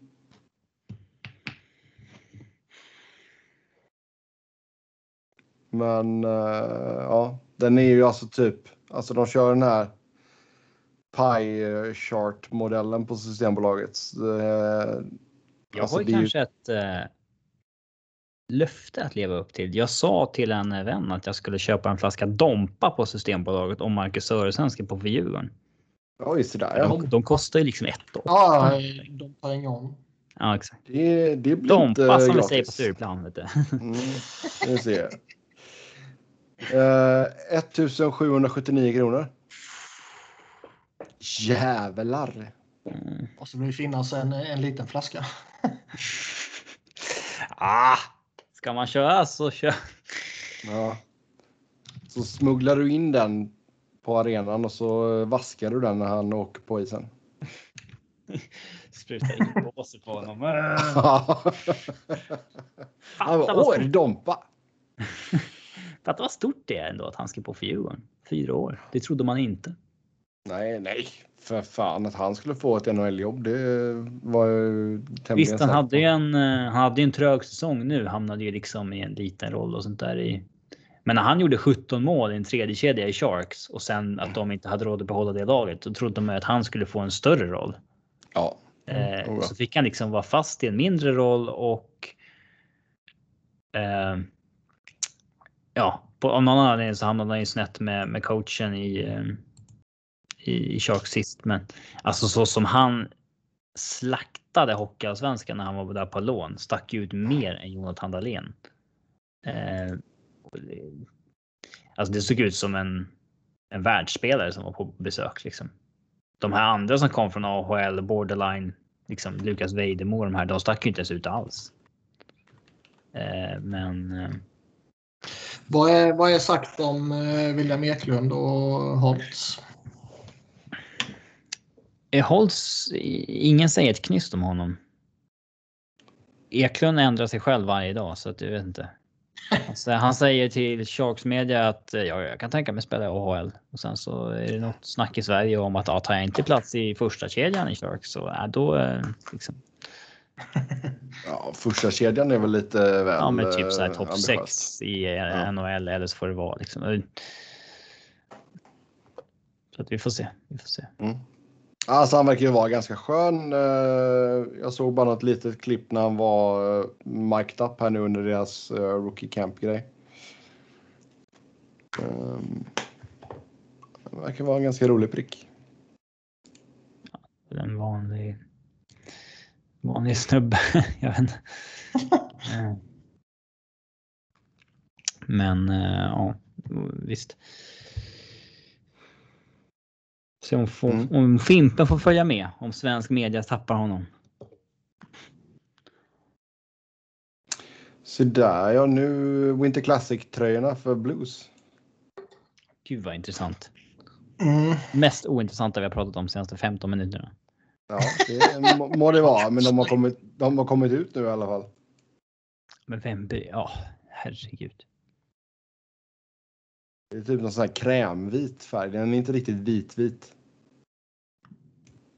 Fortsätt prata om dem tack. Jag känner att jag bryr mig väldigt lite om eh, Blues Winter Classic tröjor. Ja, ja. Fine.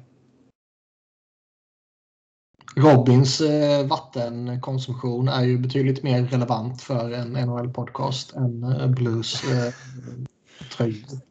Är det verkligen det? För våran NHL-podd, tvivelslöst.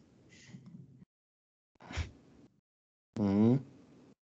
Det, är ju, det är ju helt sjukt det han säger. Ja, ja, ja. Det är absolut. Det... Jag visste inte. Jag är förvånad att eh, du drack så mycket vatten Niklas.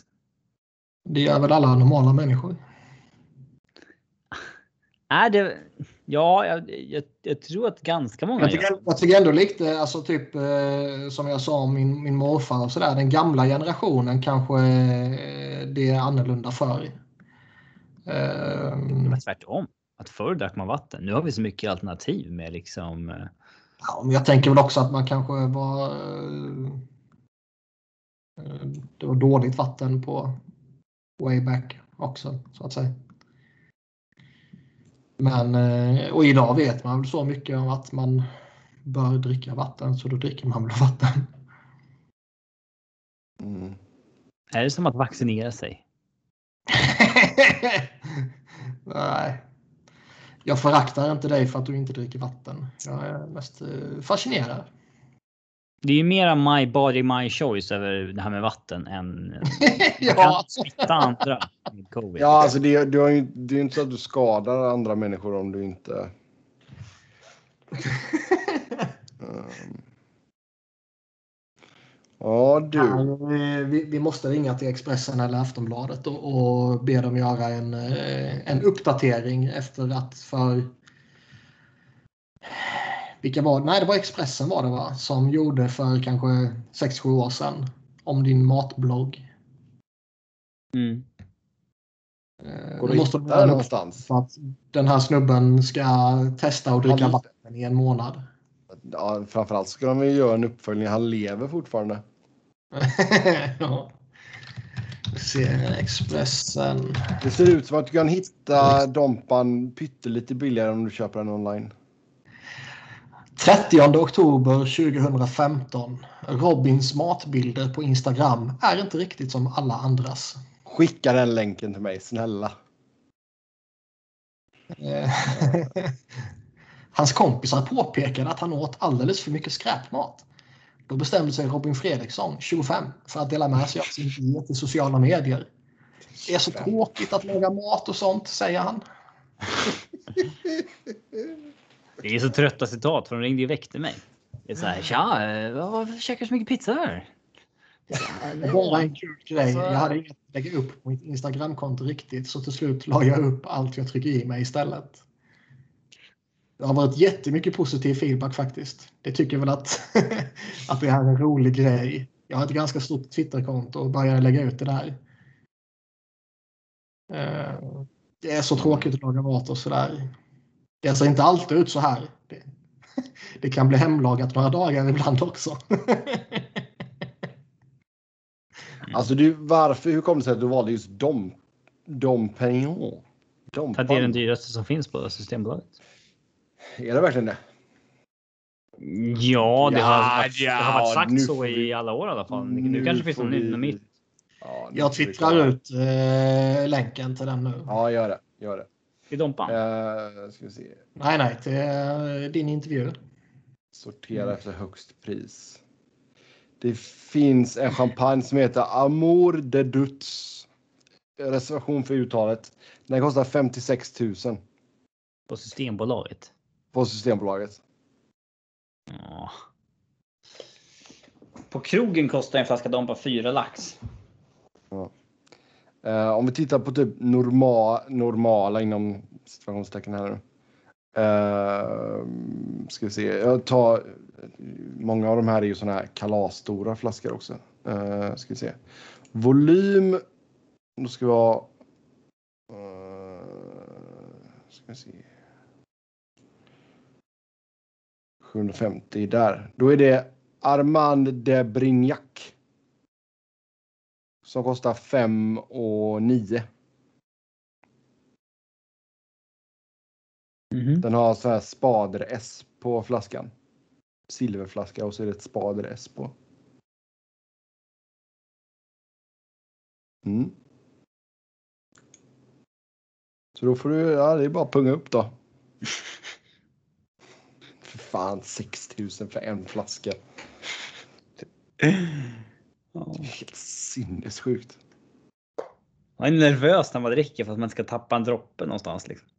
Ja. För att tappa ett sånt glas. när man, när man helt upp det. Fy fan vilken ångest. ja.